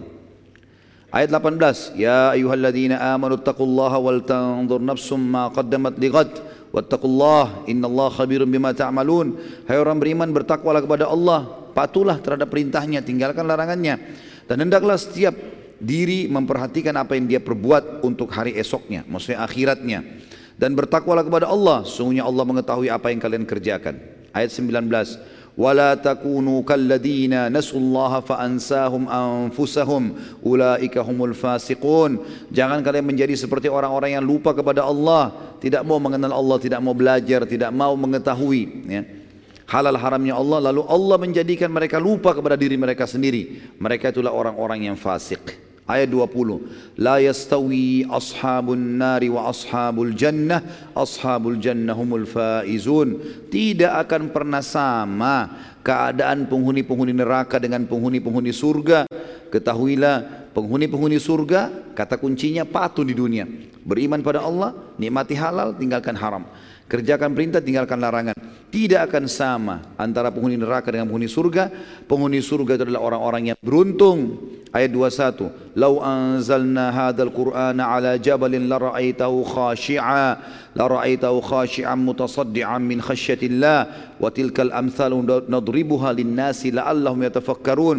Kalau sekiranya Al-Qur'an ini maknanya adalah masih banyak orang yang ragu dengannya, tidak mau membaca, tidak mau menghafal, tidak mau memahami, tidak mau mengamalkan. Perhatikanlah, Al-Quran yang kami turunkan ini, kalau diturunkan di atas sebuah gunung yang kokoh, pasti kamu akan melihat gunung itu tunduk terbelah, terpecah belah, disebabkan ketakutannya dengan firman Allah di situ. Karena Allah, perkataan Allah. Dalam perumpamaan-perumpamaan itu kami buat untuk manusia supaya mereka berfikir. Ayat 22. Wallahu alladhi la ilaha illahu alimul ghaibi wasyahadah warrahmanur rahim. Yang menurunkan Al-Quran, yang menurunkan syariat, yang telah mengutus Rasulullah Muhammad SAW adalah Allah. Tidak ada Tuhan selain dia. Yang mengetahui yang gaib dan yang nyata. Dialah yang maha pemurah lagi maha penyayang. Ayat 23. Wallahu alladhi la ilaha illa huwal malikul quddusus salamul mu'minul muhaiminul azizul jabbarul mutakabbir.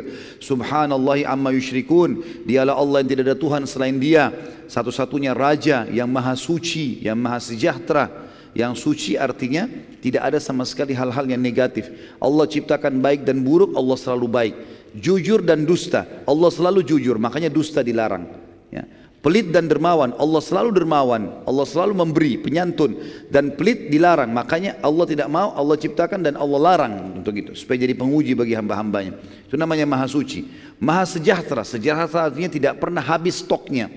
Kalau orang teman-teman sekalian punya gaji, kalau mau beli apa-apa tunggu akhir akhir bulan gaji dulu atau tunggu pendapatan atau tunggu keuntungan dagang, ini belum sejahtera. Sejahtera itu apa yang terjadi di benaknya langsung dia bisa beli dan tidak pernah habis. Baru kita katakan hidupnya sejahtera. Tapi tentu tidak sama Allah dengan makhluknya.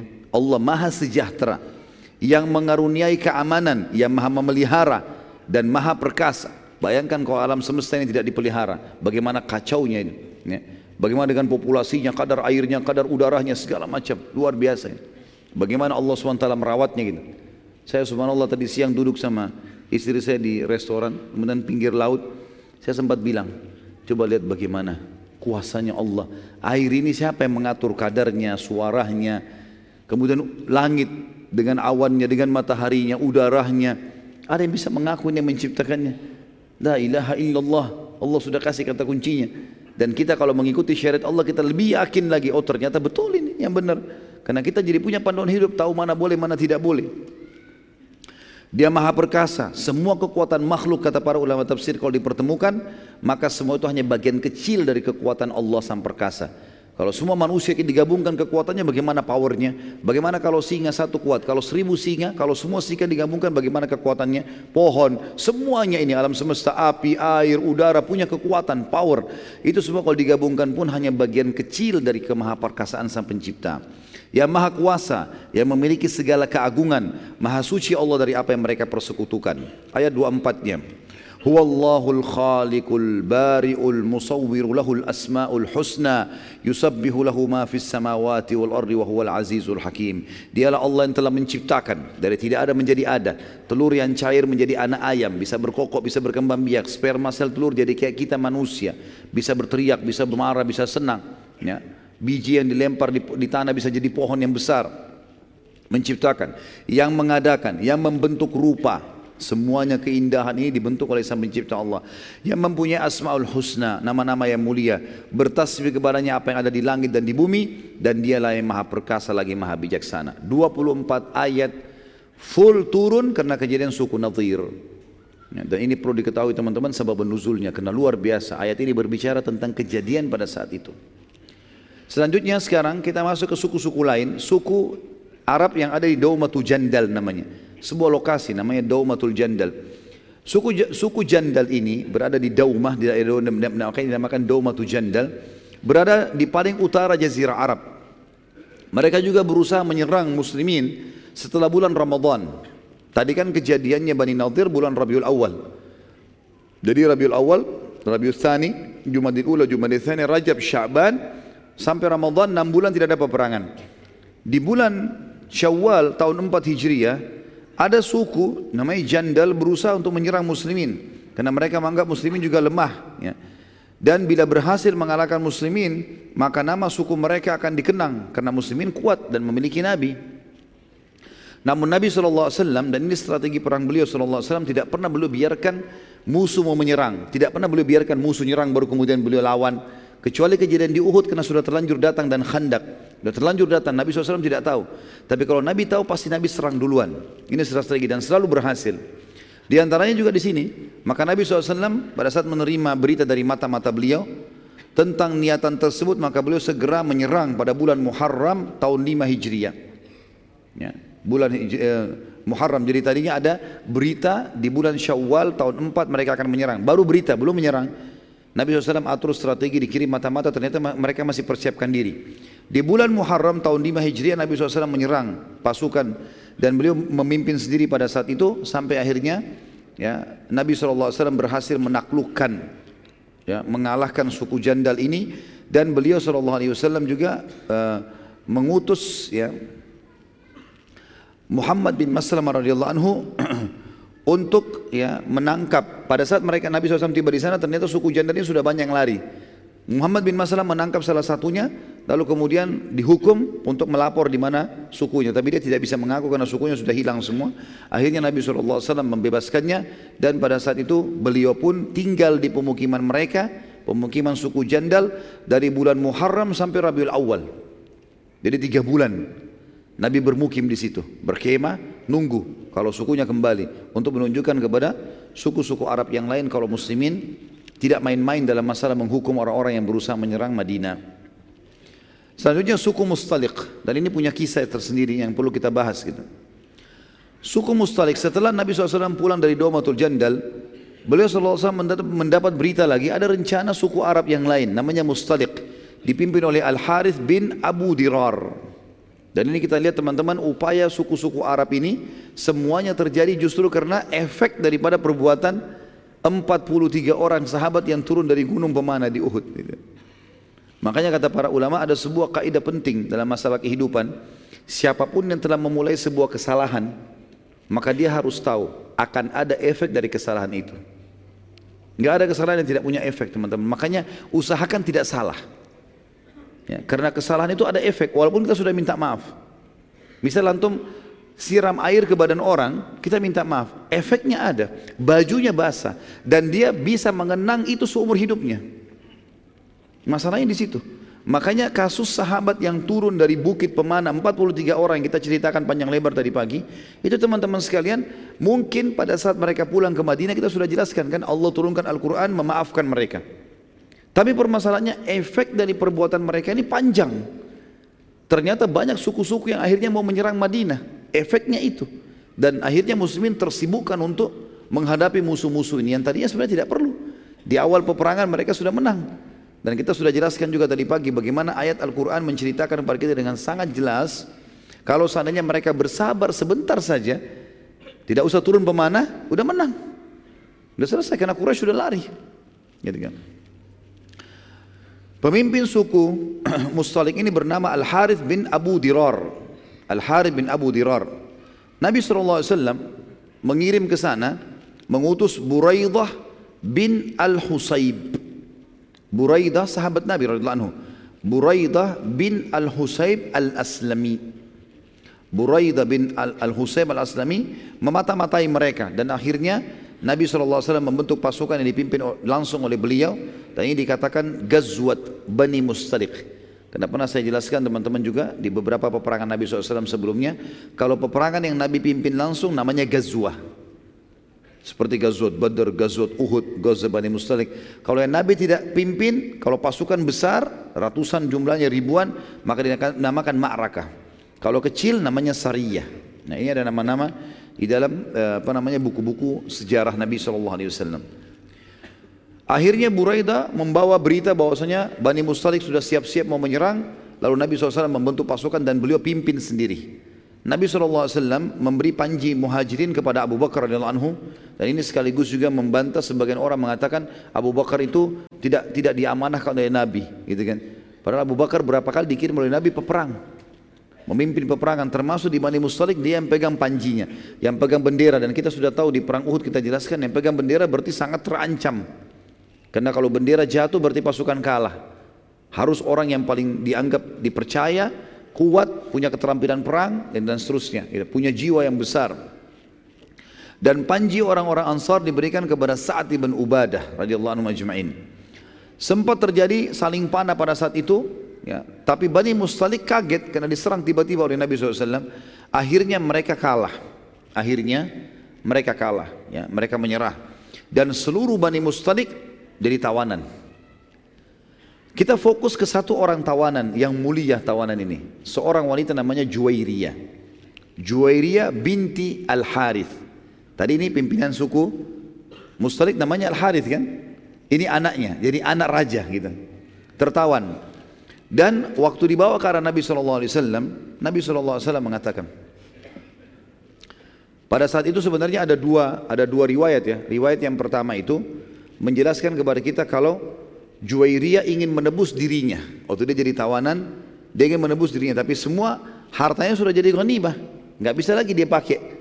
Maka dia minta kepada muslimin untuk diantar ke Nabi SAW dan dia mau izin. Dia mau izin agar Nabi SAW menghutangkan dia supaya dia bisa bebas. Jangan jadi tawanan, jangan jadi budak. Gitu. Maka waktu dia datang ke kemah Nabi SAW, waktu itu Nabi sedang membawa istrinya Aisyah radhiyallahu anha. Waktu dibuka kemah Aisyah mengatakan, waktu saya melihat Juwairiyah saya sudah tahu. Ini nanti kemungkinan bisa menjadi istri Nabi sallallahu alaihi wasallam, gitu kan. Maka dia mengatakan, "Di mana Rasulullah?" Kata Aisyah, "Kenapa?" Dia bilang, "Saya ingin menebus diri saya." Kata Aisyah, "Silahkan masuk." Masuklah dalam kemah setelah izin dengan Nabi SAW. Lalu Nabi SAW waktu melihat Juwairiyah mengatakan, siapa kamu? Dia bilang, saya Juwairiyah binti Harith. Anaknya Raja Mustalik ini, suku Mustalik. Kata Nabi SAW, bagaimana kalau saya tawarkan kepada kamu masuk Islam? Dan dengan itu, saya akan bebaskan kamu dari tawanan dan kau pun akan saya nikahi. Maka kata Juwairiyah, tentu saja. Saya menerima tawaran itu.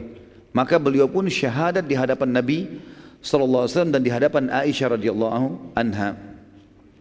Setelah masuk Islam, maka tersebarlah berita Nabi SAW mengundang sahabat hadir di pernikahan beliau di kemah, gitu kan? Maka semua sahabat datang pada saat itu. Mereka dihidangkan kurma, dihidangkan segala macam dalam pernikahan tersebut. Dan Aisyah Rahna ada di situ. Nanti kan kita titik beratkan sini teman-teman karena banyak orang subhanallah dan sayang sekali bahkan banyak di kalangan para dai. Mereka tidak sadar mereka sedang merusak citranya Aisyah radhiyallahu mereka mengatakan Aisyah itu pencemburu, gitu kan? Baik, Aisyah memang cemburu, tapi ingat teman-teman sekalian, hukum syar'i yang kita ambil sebagai hukum bukan kasus kejadiannya, tapi kasus penentuan hukum dari Nabi. Itu yang perlu kita garis bawahi. Waktu Aisyah cemburu kepada Khadijah, yang dia bilang, ya Rasulullah, kenapa anda tetap masih mengingat-ingat perempuan yang sudah keriput, yang sudah tua, yang sudah masuk ke dalam tanah, gitu kan? Sementara Allah sudah ganti kepada anda orang yang lebih baik, maksudnya dia, Aisyah, sama dari Quraisy tapi lebih muda dan masih hidup, gitu lah. Apa kata Nabi? Ini ini kan perkataan Aisyah kena cemburu ya. Apa kata Nabi SAW? Wahai Aisyah, kau telah mengucapkan kalimat yang kalau dimasukkan ke air lautan rusak tuh air lautan. Aisyah saking besarnya dosamu. Maka Aisyah pun meminta maaf dan beristighfar kepada Allah. Permasalahannya di sini adalah hukum syar'inya waktu Nabi menegur Aisyah itu hukum syar'i teman-teman. Bukan cemburunya Aisyah ini. Bisa ditangkap ya? Kita boleh menyebutkan sebagai kisah, tapi jangan Aisyah yang disorotin radhiyallahu anha. Ini berarti memojokkan istri Nabi SAW gitu. Jadi perilaku beliau bukan sebagai sebuah hukum, tapi hukum adalah yang diterapkan oleh Nabi Sallallahu alaihi wasallam. Dan ini sudah saya jelaskan di beberapa uh, pertemuan tentang manajemen rumah tangga Islami di YouTube tentang beberapa riwayat berhubungan dengan masalah cemburunya Aisyah radhiyallahu anha. Dan kita lihat dalam riwayat ini sahih riwayat Bukhari, Aisyah tidak cemburu teman-teman sekalian di sini. Bahkan di depan matanya Aisyah radhiyallahu anha, Nabi SAW menikahi Juwairiyah. Dan Aisyah mengucapkan dalam riwayat Bukhari, setelah Nabi SAW menikahi Juwairiyah, di kemah diundang para sahabat, gitu kan? Maka seluruh sahabat berkata, Ya Rasulullah, sebagai penghormatan terhadap pernikahan anda ini, kami bebaskan tawanan-tawanan kami. Maka satu suku semua dibebaskan.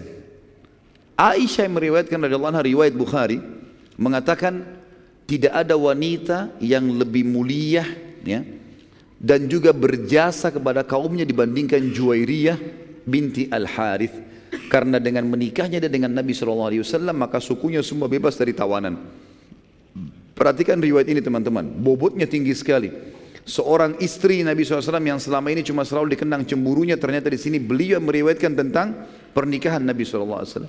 Bahkan kita temukan riwayat-riwayat yang menyebutkan tentang masalah mahar Nabi SAW dalam pernikahan itu diriwayatkan oleh Aisyah radhiyallahu anha. Jadi di sini harus diperbaikin, harus betul-betul pada tempatnya. Sekali lagi, boleh kita sebutkan kisahnya, tapi jangan jadi tolok ukur hukum itu cemburunya, tapi hukum yang diterapkan oleh baginda Nabi sallallahu alaihi wasallam. Dan pada saat itu Aisyah pun radhiyallahu anha dalam buku-buku sejarah disebutkan jalan menuju ke Madinah, untahnya bersebelahan dengan untahnya Juwairiyah. Dan Aisyah menceritakan tentang hal-hal yang disukai dan tidak disukai oleh Nabi SAW. Sebagai istri sama-sama dia sampaikan. Begini loh Rasulullah suka begini, Rasulullah tidak suka begini. Lihat bagaimana Aisyah radhiyallahu anha di sini bukan masalah cemburunya, malah Aisyah di sini mengingatkan madunya, begini loh istri suami kita. Ini sebuah pelajaran yang penting sekali. Jadi jangan selalu teman-teman hal-hal yang buruk saja yang tahu dikenang dan akhirnya salah dalam penyampaian. Ada kejadian penting namanya kejadian kisah ifk, fitnah, perzinahan Aisyah pada saat pulang dari Bani Mustalik ini. Waktu pasukan lagi istirahat teman-teman sekalian, turunlah Aisyah dari gerandahnya. Jadi biasanya eh, tradisi pasukan muslimin Istri-istri Nabi kalau dibawa, kadang-kadang Nabi bawa dua orang, kadang-kadang Nabi bawa satu, tapi yang jelas setiap perjalanan Nabi selalu bawa istrinya. Siapa yang Nabi ajak, maka itu yang diajak pergi gitu. Pernah Nabi SAW ajak Aisyah dengan Hafsah berdua sampai Aisyah mengatakan saya baru mengetahui ternyata khidmah saya pelayanan saya terhadap Nabi. Ya kurang setelah saya lihat bagaimana Hafsah melayani Nabi SAW. Seperti itulah. Yang jelas setiap unta yang dipakai oleh uh, setiap istri Nabi yang ada itu ditaruh di geranda. Dan geranda ini bisa ditaruh di atas unta atau dipikul oleh empat orang sahabat. Kebetulan waktu perang Bani Mustalik itu dipikul oleh sahabat gerandanya dipikul oleh sahabat gitu kan Kemudian Aisyah karena badannya agak kecil, dia katakan dalam riwayat, maka beliau radhiyallahu turun dan mengatakan dalam hadis Bukhari, pada saat pasukan lagi istirahat aku punya hajat. Ya, pergi ke padang pasir menunaikan hajatnya, mungkin buang air kecil dan seterusnya. Yang jelas saya pergi ke sana. Kemudian saya pada saat pergi saya kembali ke pasukan ternyata kalung saya jatuh. Saya pun kembali ke lokasi yang awal, gitu kan. Begitu saya kembali yang kedua kali ternyata pasukan sudah tidak ada. Jadi Nabi SAW suruh pasukan berjalan, bergerak. Sahabat-sahabat yang mikul geranda Aisyah, kira Aisyah ada di dalam, kena ringan. Gak tahu kalau ini sudah pergi, lagi pergi gitu. Apalagi tadi waktu sudah pergi, balik lagi sudah kelihatan. Pergi yang kedua sahabat tidak perhatikan. Inti ringkas cerita pergilah pasukan ini. Kata Aisyah, aku pun tidak menemukan pasukan dan pada saat aku sedang duduk di atas sebuah batu, membuka cadar, ya, Aisyah menunggu pasukan ada nggak yang datang. Ada satu orang sahabat Nabi yang mulia namanya Safwan radhiyallahu anhu. Safwan ini sahabat yang dikenal sekali dengan kesolehannya, dengan kebaikan akhlaknya dan amanahnya. Sampai Nabi SAW letakkan Safwan di ujung pasukan. Setiap pasukan jalan, selalu Safwan paling belakang. Tunggu pasukan sudah hilang, udah nggak kelihatan baru dia jalan lagi. Nanti kalau ada pedang jatuh dia yang pungut, ada perisai dia yang pungut, ada kendi dia yang ambil. Tugasnya itu karena diamanahkan. Safwan lihat di lokasi istirahatnya pasukan tadi ada perempuan dan kata Aisyah dalam hadis ini Safwan mengenal wajahku sebelum sebelum turun ayat hijab. Tahu kalau ini Aisyah gitu. Maka aku pun menutup ya hijab Aisyah waktu ada Safwan menutup dan Safwan pun tidak melihatnya tapi dia mengenalku sebelum aku pakai hijab dia tahu. Maka Safwan hanya mengucapkan kalimat istirja innalillahi wa inna ilaihi rajiun. Pada saat itu pun ya Safwan mendekatkan untanya kepadaku dan memberiku kesempatan untuk naik dan ia pun pergi menjauh dariku. Jadi unta didudukkan, diikat talinya. Biasanya unta kalau sudah duduk itu diikat talinya dia dia tenang. Kemudian dibiarkan Aisyah naik ke unta sementara Safwan pergi jauh supaya tidak melihat aurat. Ini menandakan akhlak yang mulia dari sahabat yang mulia ini. Setelah diberikan kesempatan naik, Aisyah sudah di atas unta, barulah Safwan datang tanpa melihat sama sekali, menarik kembali tali unta kemudian jalan. Pada saat itu kata Aisyah, sepanjang jalan tidak pernah ada terucapkan satu kalimat pun dariku atau dari Safwan. Gak pernah. Safwan bilang kenapa kau terlambat, kenapa kau tidak pergi? Ditanya bagaimana, tidak ada sama sekali kalimat. Juga Safwan, uh, Aisyah sendiri tidak pernah tanya, gak pernah bilang terima kasih, gak ngomong apa-apa nih. Di atas unta istri Nabi SAW, Safwan tarik tali untanya dari bawah, jalan. Pada saat teman-teman sekalian lagi berjalan seperti itu, ternyata saat kami tiba di pasukan, sudah mau tiba, pasukan rupanya sebelum tiba di Madinah, istirahat lagi istirahat lagi. Pada saat itu teman-teman sekalian lagi siang bolong, lagi siang bolong ini. Pasukan dat istirahat, Aisyah datang dengan Safwan. Waktu melihat kejadian tersebut, kebetulan di dalam pasukan ada ikut Abdullah bin Abi Salul, pimpinan munafik. Dia lihat Aisyah sama Safwan, kesempatan sebarin fitnah. Maka dia mengatakan, mana bisa seorang wanita dengan seorang pria bersama-sama lalu tidak terjadi. Tapi dia kasih mubham tidak terlalu jelas. Tidak terjadi. Dia nggak bilang zina. Dia tahu kalau dia bilang zina tuduhan dia akan dihukum. Maka tersebar ini seperti virus di, di pasukan muslimin. Ini gosip ini luar biasa. Kalau Aisyah berzina sama Safwan tersebar berita begitu. Aisyah mengatakan radhiyallahu anha saya pada saat masuk, apa, tiba di pasukan, tidak berpikir apa-apa karena memang tidak buat apa-apa. Unta diturunkan oleh Safu, didudukkan, saya turun lalu saya masuk ke dalam kemah bersama Nabi sallallahu alaihi wasallam, gitu kan. Ini sudah tersebar berita nih. Maka pada saat itu teman-teman sekalian, pasukan waktu sudah mau masuk ke Madinah, gitu kan. Tersebar berita. Kalau begini dan begitu. Ini Abdullah bin Abi Salul yang saya bilang dalam riwayat dikatakan namanya juga Ubaidillah. Khilaf di antara ahli sejarah tentang namanya. Dia punya anak laki-laki namanya Abdullah juga. Jadi kalau saya bahasakan kalau kita pakai riwayat Abdullah sama Abdullah, si ayah Abdullah munafik, si anak Abdullah mukmin. Ya. Jadi ada dua Abdullah, ayah dan anak. Ayahnya munafik, anaknya mukmin. Ya. Si Abdullah mukmin ini datang kepada jadi Nabi SAW waktu dengar isu ini Beliau menyuruh pasukan jalan tidak berhenti. Selama tiga hari tiga malam teman-teman sekalian pasukan jalan terus. Gosip tentang Aisyah berzina sudah tersebar. Nabi SAW tidak nanya kepada Aisyah, pasukan disuruh jalan. Tiga hari tiga malam. Mereka sholat pun ya berhenti sholat langsung jalan. Makan di atas unta, nggak ada istirahat. Kalau sudah malam sekali baru Nabi suruh istirahat. Habis sholat subuh jalan lagi. Selama tiga hari. Tujuannya adalah supaya isu ini tidak nyakin masalah. Kalau istirahat sebentar, duduk ngobrol-ngobrol, makin nyebar nih. Rupanya waktu sudah dekat pintu Madinah, gitu kan? Nabi SAW pada saat itu teman-teman sekalian, sempat didatangi oleh seorang sahabat. Kalau salah Zubair bin Awam, dia mengatakan, Ya Rasulullah, kenapa anda begitu cepat jalan? Eh, kenapa anda tidak istirahat?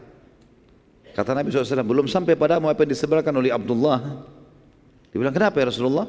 Dia mengatakan begini dan begitu tentang keluargaku. Pintu gerbang Madinah sudah dekat. Gitu kan. Maka Zubair balik ke belakang. Rupanya Zubair sampaikan. Salah satu yang mendengar berita ini Abdullah, anaknya si munafik ini. Abdullah ayah munafik, Abdullah si anak mukmin. Abdullah mukmin dengar. Lalu dia datang kepada Nabi SAW, Ya Rasulullah, sudah sampai ke telinga saya apa yang ayah saya lakukan. Kata si Abdullah Mukmin. Kalau anda mau membunuh ayah saya, jangan jangan suruh orang lain. Biar saya yang bunuh ya Rasulullah. Nah, ya. Ada alasannya dia bilang. Karena dia bilang karena kalau anda suruh orang lain yang membunuhnya dan saya nanti menemui saudara saya muslim membunuh ayah saya, saya bisa marah, saya bisa bunuh juga dia. Jadi lebih baik saya yang bunuh ya Rasulullah. Tugaskan saya. Kata Nabi SAW tidak usah, biarkan saja ayahmu.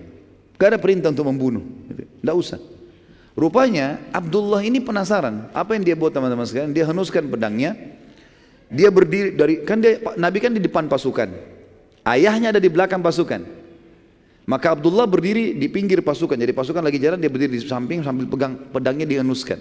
Dan biasanya orang kalau seperti ini nunggu musuh, gitu kan? Orang-orang semua lihat kenapa Abdullah ini ada apa? Orang nggak ngerti masalahnya. Tapi orang semua lewat nggak ada yang ditahan sama Abdullah sampai ayahnya tiba. Begitu ayahnya tiba, lalu kemudian dia letakkan ya pedang di leher ayahnya. Dan dia mengatakan, rupanya waktu itu si munafik ini, si Abdullah munafik menyebarkan berita. Menyebarkan berita. Kalau ada masalah ini sebenarnya di sini. Ada masalah. Sebelumnya saya reviewkan dulu, ada tadi yang saya terlupa teman-teman sekalian. Jadi di tengah jalan, waktu pasukan lagi istirahat juga, gitu kan. Sebelum sebelum kasus Aisyah datang dengan Safwan, ada yang saya lupa di situ. Rupanya ada dua orang, satu budaknya Umar bin Khattab, satu budaknya orang Ansar, lagi ngambil air di kali.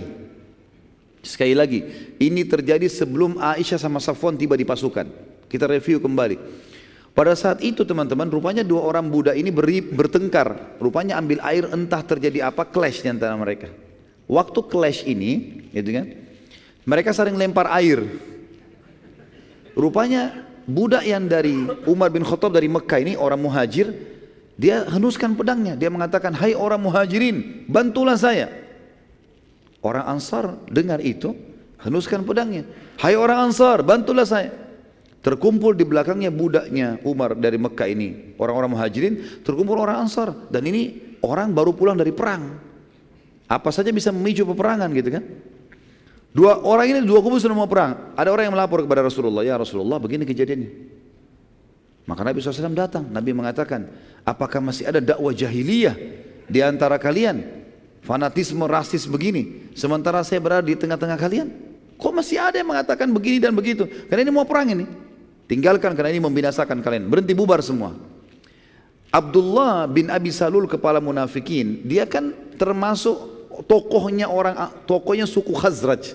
Ada suku Arab Madinah dari dari dari Ansar dan suku Khazraj. Dia salah satu tokohnya. Waktu dia dengar, dia bilang, "Apakah muhajirin sudah kerjakan itu buat kami?" Pasti nanti kalianlah, kalianlah yang telah membuat ini sampai mereka bisa masuk ke dalam pasukan kita, masuk di kota Madinah. Kalian yang terima mereka. Mestinya nggak usah diterima tuh muhajirin masuk ke Madinah. Nggak usah, nggak perlu kita bertemu sama mereka. Seperti itulah kurang lebih bahasanya. Maka pada saat itu teman-teman sekalian tersebar isu kalau mereka tiba di Madinah, kata Abdullah munafik ini, kalau mereka tiba di Madinah kita akan usir. Bukan cuma orang-orang Mekah, termasuk Nabi Muhammad SAW kita akan usir. Seperti itu. Nanti kita bacakan dalam surah Al-Munafikun, turun ayat menjelaskan masalah itu. Yang jelas teman-teman sekalian, rupanya waktu kejadian ini, Abdullah ini ya, si munafik merasa terpukul karena tidak jadi peperangan dan dipisah, gitu kan? Waktu dia lihat Aisyah datang dengan Safwan, dia sebarin berita tadi isu. Karena tadi gosip yang pertama nggak berhasil, perang nggak jadi. Sekarang dia mau buat yang kedua ini. Kita langsung pindah ke kisah tadi, maka Abdullah si anak meletakkan pedang di atas lehernya, di leher ayah lalu mengatakan, lalu ayah mengatakan, ada apa wahai Abdullah? Apa kau sudah mulai durhaka dengan orang tuamu? Kata Abdullah anaknya, demi Allah kau tidak akan pernah lewat hai ayahku sampai diizinkan oleh Rasulullah SAW. Rasulullah izinkan saya lewatkan, kalau enggak saya akan bunuh kamu. Kata ayahnya, kau durhaka, dia mau coba bergerak, betul-betul si Abdullah ini terkenal mahir dalam memainkan pedang. Dia coba menetakkan dengan dan serius. Ini kalau ditarik bisa terluka lehernya ayahnya. Dia lihat anaknya serius, dia mengatakan baiklah. Dia tidak bergerak. Dilapor kepada Nabi Wasallam. Ini beritanya begini nih. Nabi SAW bilang, sampaikan kepada Abdullah si anak, izinkan ayahnya untuk masuk Madinah. Gitu kan. Ringkas cerita sudah selesai ini, teman-teman sekalian. Masuklah ke Madinah. Kata Aisyah radhiallahu saya melihat beberapa hari perilaku Nabi SAW berubah. Enggak seperti biasanya. Biasanya Nabi SAW itu suka bercanda, kalau saya sakit ditanya, ini enggak ada sama sekali. Nabi bicara seperlunya saja. Kata Aisyah lalu kemudian saya pun ya berkata kepada Nabi SAW, ya Rasulullah, kalau anda tidak punya hajat dengan saya, izinkan saya ke rumah orang tua saya. Ini termasuk adab dalam rumah tangga teman-teman sekalian. Bagaimana Aisyah anha pada saat suaminya berubah sikap, tidak langsung spontan, ya marah-marah, ya segala macam atau menuduh suaminya segala macam tidak. Aisyah dengan tenang tidak lain. Tapi dia lihat ada perilaku yang berubah dia mengatakan ya Rasulullah kalau anda tidak punya hajat dengan saya izinkan saya pulang ke rumah orang tua saya. Ada sampai ada punya hajat baru saya datang. Nabi SAW mengatakan baiklah diantarlah ke rumah Abu Bakar. Ya. Pada saat itu teman-teman sekalian waktu diantar pulang ke rumah Aisyah mengatakan selama dua minggu ya, dua minggu atau tiga minggu dari kejadian Aisyah mengatakan saya tidak tahu apa-apa nih, tidak tahu berita apa-apa. Di Madinah sudah hangat nih informasinya. Dan pada saat itu teman-teman sekalian wahyu terputus dari langit. Gak ada informasi yang sampai. Gak ada yang turun informasi. Gimana ini sekarang? Siapa yang melakukan? Siapa yang begini? Dari mana? Siapa, siapa yang salah? Nggak ada wahyu. Biasanya wahyu langsung turun. Ada kasus langsung wahyu turun ingatkan gitu. Maka Nabi SAW pada saat itu juga Aisyah lagi tidak ada, lagi di rumah ayahnya. Beliau terus mengumpulkan informasi, nunggu wahyu dari langit, berdoa sama Allah, ikhtiar. Belum ada berita. Akhirnya Nabi SAW setelah sebulan dari kejadian itu, sebulan penuh nggak ada wahyu. Maka Nabi SAW naik di atas mimbar, lalu beliau berkata kepada para sahabatnya setelah tahmid dan salawat, kenapa ya ada yang menyakiti aku di keluargaku dengan berita bohong dan juga menuduh salah satu sahabatku, maksudnya Safwan. Nabi tidak sebut Aisyah, tidak sebut Safwan. Gitu kan? Nabi cuma mengatakan, kenapa ada orang menyakitiku di keluargaku? Maksudnya nuduh-nuduh sembarangan. Sementara aku tidak tahu dari keluargaku kecuali kebaikan. Orang-orang salehah semua ini. Dan, dan ada yang menyakitiku di salah satu sahabatku yang aku tidak tahu kecuali kebaikan darinya. Dan dia tidak pernah masuk ke rumahku kecuali bersamaku. Berdirilah satu orang dari suku Aus. Saya sudah bilang Ansar di Madinah ada Aus dan Khazraj. Suku Aus berdiri mengatakan, Wahai Rasulullah, kami tahu siapa yang anda yang anda maksudkan itu. Abdullah bin Abi Salul dari suku Khazraj. Kami tahu siapa yang anda maksud yang memfitnah keluarga anda ini. Perintahkan ya Rasulullah kami akan tebas lehernya. Sudah selesai. Ini orang penyebar fitnah kita habisin saja. Kebetulan Abdullah bin Ubay bin Salul pemimpin munafik dari suku Khazraj, suku yang satunya. Dan Aus dan Khazraj dulu sebelum Islam sering berperang. Kan sering berperang. Maka berdiri Sa'ad ibn Ubadah, kebetulan Sa'ad ibn Ubadah dari suku Khazraj. Lalu dia berdiri dia mengatakan, dia tunjuk orang Aus tadi. Sahabat dari Aus. Ya. Demi Allah kau tidak katakan itu kecuali karena kau tahu dia dari suku kami. Kita sama-sama tahu siapa yang buat salah ini. Tapi kau ucapkan itu mau nebas lehernya karena kau tahu dari suku kami. Kalau dari sukumu kau pasti akan diam. Jadi sahabat mulai ribut nih. Berdiri lagi dari Aus, pemimpinnya namanya Usaid bin Khudair. Sahabat Nabi yang mulia yang kalau baca Quran sampai malaikat datang mendengarkan bacaannya. Dia berdiri mengatakan ya Rasulullah. Eh, dia mengatakan demi Allah kau munafik. Ditunjuk Sa'ad bin Ubadah. Ini dua-dua sahabat yang mulia ini. Kau yang munafik. Ya, karena kau membela dia. Membela maksudnya si Ubaidillah. Maka hampir terjadi peperangan. Begitu kan di masjid. Nabi SAW tidak melihat tidak ada solusinya ini. Maka beliau pun turun dari mimbar mengatakan sudah bubar, gak ada, gak ada masalah kita tidak bahas lagi, bubarlah. Akhirnya Nabi SAW mengambil sebuah keputusan mutlak, beliau akhirnya mendatangi rumah Abu Bakar setelah sebulan kejadian ini. Nah sebelum Nabi SAW datang ke rumah, kurang lebih 3-4 hari sebelumnya, Aisyah mengatakan, saya pernah, saya pernah punya hajat mau keluar rumah, zaman dulu orang tidak ada maaf WC di rumah, tidak ada kamar mandi, mereka ke padang pasir. Waktu saya mau keluar hajat, ada WC umum untuk perempuan, ada buat laki-laki. Saya mau ke tempat umum, ternyata ibunya Muslih bin Abi Muslih. Sepupunya Abu Bakar yang tadi kita ceritakan diputuskan nafkahnya itu.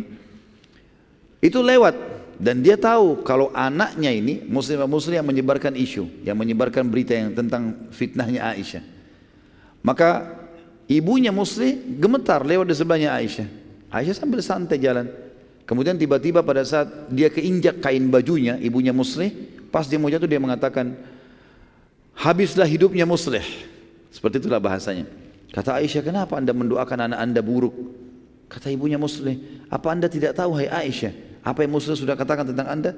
Kata Aisyah, tidak, saya enggak tahu sama sekali. Saya enggak ngerti apa-apa. Akhirnya ibunya Muslim ceritakan, telah tersebar berita waktu kau diunta sama Safwan, kau datang di pasukan katanya kau berzina dan dan dan dan. Panjang lebar diceritain. Kata Aisyah, pada saat itu hajat saya hilang. Udah nggak ada keinginan lagi mau ke WC, mau kan enggak ada lagi. Karena selama ini nggak tahu beritanya kan nggak tahu. Dia bilang saya pun pulang ke rumah, yang saya kerjakan cuma menangis. Selama berapa hari itu menangis. Terus, udah nggak bisa ngomong apa-apa. Terasa tulang-tulang saya lemah, saya terasa jadi fitnah besar ya gitu. Maka sampai datanglah Nabi SAW ke rumah Aisyah setelah mengumpulkan dari sahabat di masjid.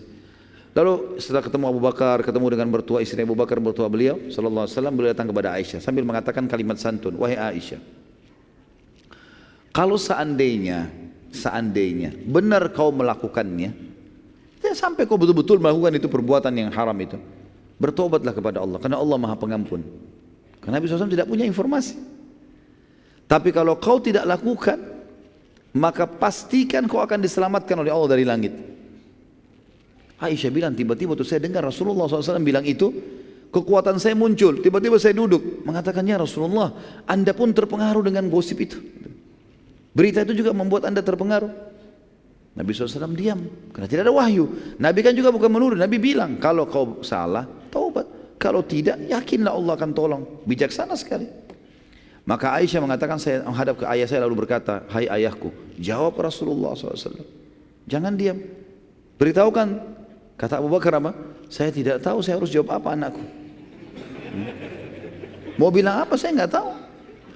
Kalau Rasulullah aja tidak tahu apalagi saya. Aisyah, bayangkan kalau di posisi kita pada saat kita di situ bagaimana itu? Suaminya Rasulullah sendiri yang biasa dapat wahyu dari langit belum dapat wahyu. Orang satu Madinah sudah fitnahin dia. Abu Bakar pun tidak bisa bela. Tinggal tinggal ibunya, wahai ibuku. Jawab Rasulullah SAW. Kata ibunya, saya juga tidak tahu harus jawab apa. Saya tidak tahu harus jawab apa Rasulullah SAW. Kata Aisyah pada saat itu, betul-betul saya merasa tidak ada penolong saya lagi. Dan saya merasa seluruh tulang-tulang saya kemudian mulai melemah kembali. Lalu dia bilang, Demi Allah ya Rasulullah, aku tidak akan taubat karena aku tidak melakukannya. Gitu kan. Dan aku hanya akan mengucapkan saking bingungnya Aisyah sampai dia lupa namanya Nabi Yakub alaihissalam. Kan Nabi Yakub alaihissalam waktu Yusuf hilang, dia mengatakan dalam ayat innama ashku bathi wa huzni Allah. Saya keluhkan kesedihan saya dan masalah saya kepada Allah.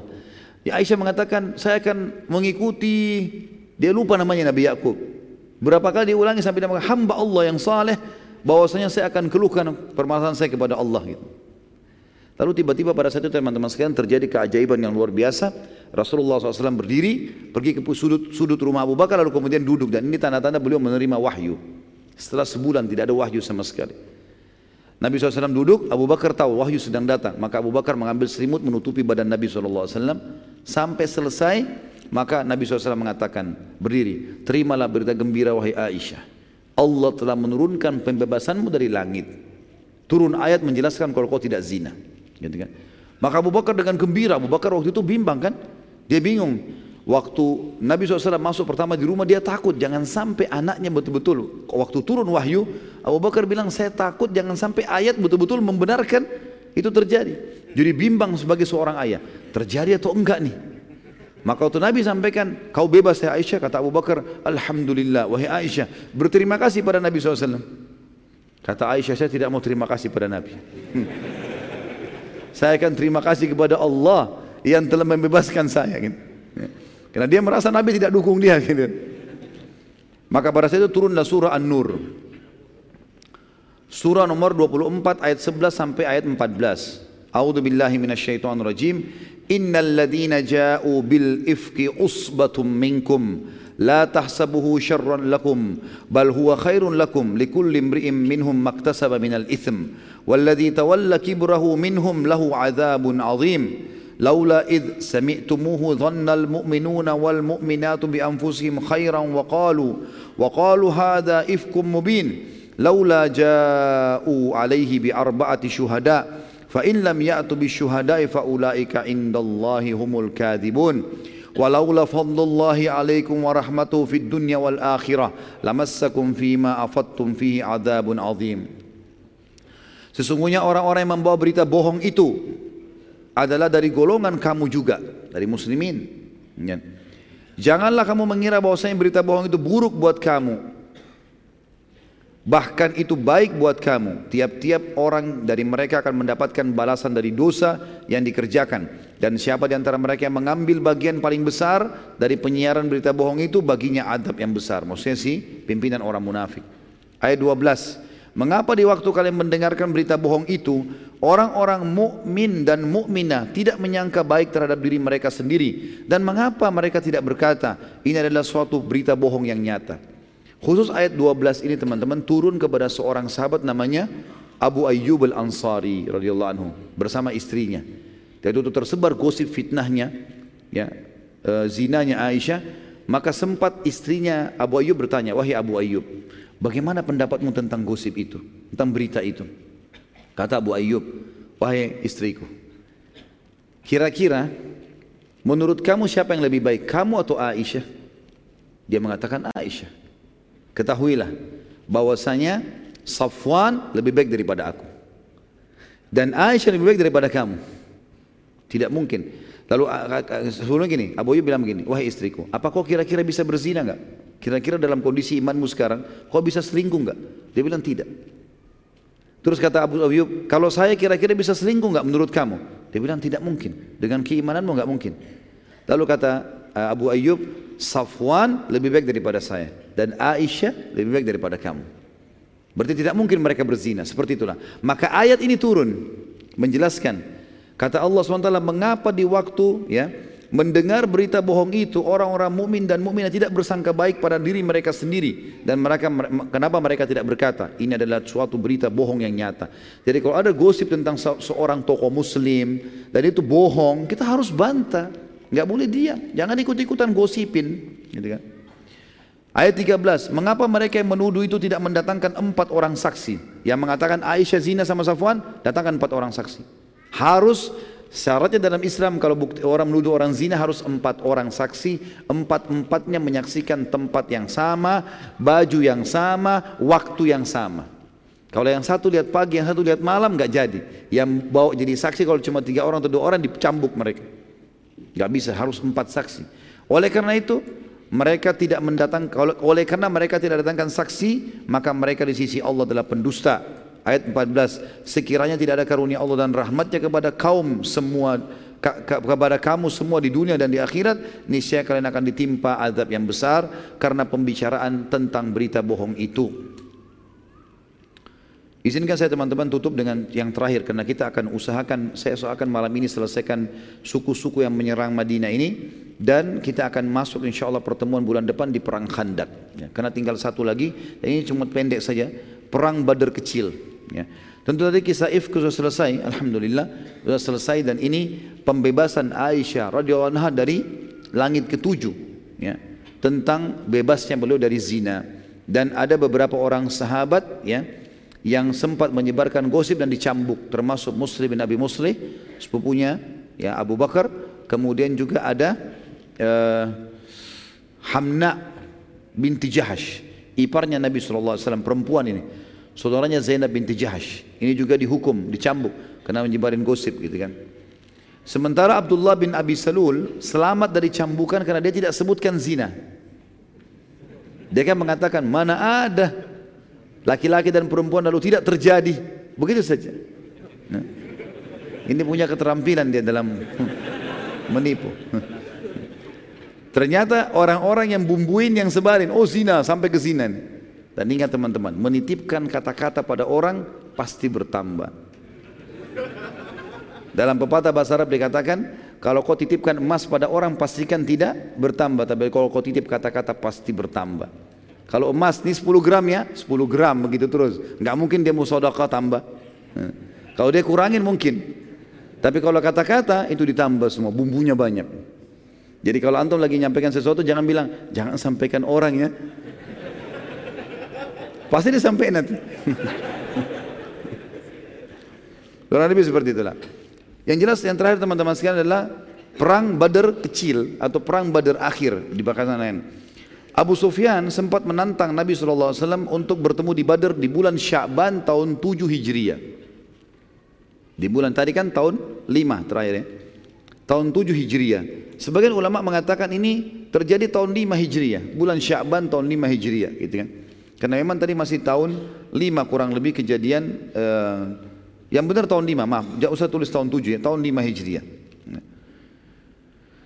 Ini juga akan saya edit tulisan ini karena memang ini terjadi sebelum Khandak, sementara Khandak terjadi tahun 5 Hijriah.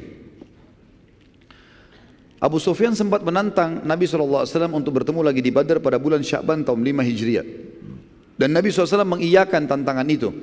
Dan Nabi SAW menepati janji dan tepatnya bulan Sya'ban tahun 5 Hijriah. Nabi SAW berangkat dengan seribu personil dari muslimin menuju ke Badar dan Abu Sufyan keluar dengan 3000 personil menuju ke Badr. Namun pada saat tiba di wilayah namanya Mujannah dari arah Az-Zahran, masih dekat Mekah, Abu Sufyan tiba-tiba khawatir dan takut dikalahkan oleh muslimin. Maka ia pun uh, mencari alasan untuk membatalkan peperangan dan dia mengatakan ini kan musim peceklik. Lagi musim panas. Lebih baik kita pulang, nanti kalau sudah mulai dingin sedikit baru kita berperang. Gitu. Seperti itulah. Maka mereka pun akhirnya membatalkan dan ternyata pasukan yang ada di, di Quraisy pun itu ketakutan. Mereka mengiyakan. Pada saat Abu Sufyan mengatakan, ya sudah, tidak ada yang membantah satupun. Mereka pun akhirnya pulang. Sementara Nabi SAW sudah tiba di Badr. Tiba di lokasi Badr dengan seribu pasukan yang menunggu. Maka Abu Sufyan dengar itu. Sekarang tersebar lagi berita kalau Abu Sufyan nggak datang, sementara muslimin menunggu. Dia mengirim Naim bin Mas'ud datang ke Madinah. Dia nggak datang ke pasukan muslim di Badr, datang ke Madinah. Supaya nanti dari Madinah tersebar berita. Kalau orang-orang Mekah akan datang dengan pasukan besar, kuat dan seterusnya. Lalu berita ini disebarkan oleh mata-mata Nabi SAW disampaikan ke pasukan muslimin yang ada di Badr. Maka pada saat itu pun ya, Nabi SAW mengatakan kami tidak terpengaruh dan Nabi SAW sempat menunggu pada saat itu beberapa hari di sana. Perlu diketahui sini teman-teman sekalian, pada saat itu muslimin sempat ya, mengadakan perdamaian dengan beberapa suku Arab di sekitar situ ya. Di sekitar termasuk ada satu orang namanya Makhshi bin Amr ad-Dumri. Ini suku Dumrah. Ini kalau kita review kembali sedikit, sekitar setengah menit saja, kejadian Badr. Waktu Abu Sufyan mau lewat, ya, setiap kali kafilahnya lewat, oh, setiap bukan Abu Sufyan, setiap kafilah Quraisy mau lewat dan ditahan oleh Nabi awal hijrah tahun-tahun pertama hijrah sebelum perang Badr, selalu suku ini ikut campur. Mengatakan, Hai Muhammad, tidak boleh perang di wilayahku, tidak boleh perang di wilayahku. Ini orangnya nih. Namanya dia Makhshi bin Amr ad-Dumari. Dari suku, Dum, eh, suku Dumrah. Ya. Waktu dia lihat Nabi SAW ada di situ, ada di Badr, dan orang-orang Quraisy tidak datang, maka dia mau menunjukkan kalau dia adalah orang yang kuat, gitu kan? Maka dia mengatakan, Hai Muhammad, kenapa kau harus datang ke wilayahku? Dan kenapa harus ada peperangan gitu? Kata Nabi SAW, ini adalah hak kami. Tantangan Quraisy datang, maka kami menjawabnya, gitu kan? Maka dia mengatakan, kalau begitu kau akan berhadapan denganku. Kata Nabi SAW, baiklah. Kalau kau ucapkan kalimat itu, kami pasti ya, akan mencabut kesepakatan damai denganmu. Maka Nabi SAW suruh para sahabat bertakbir di pasukan.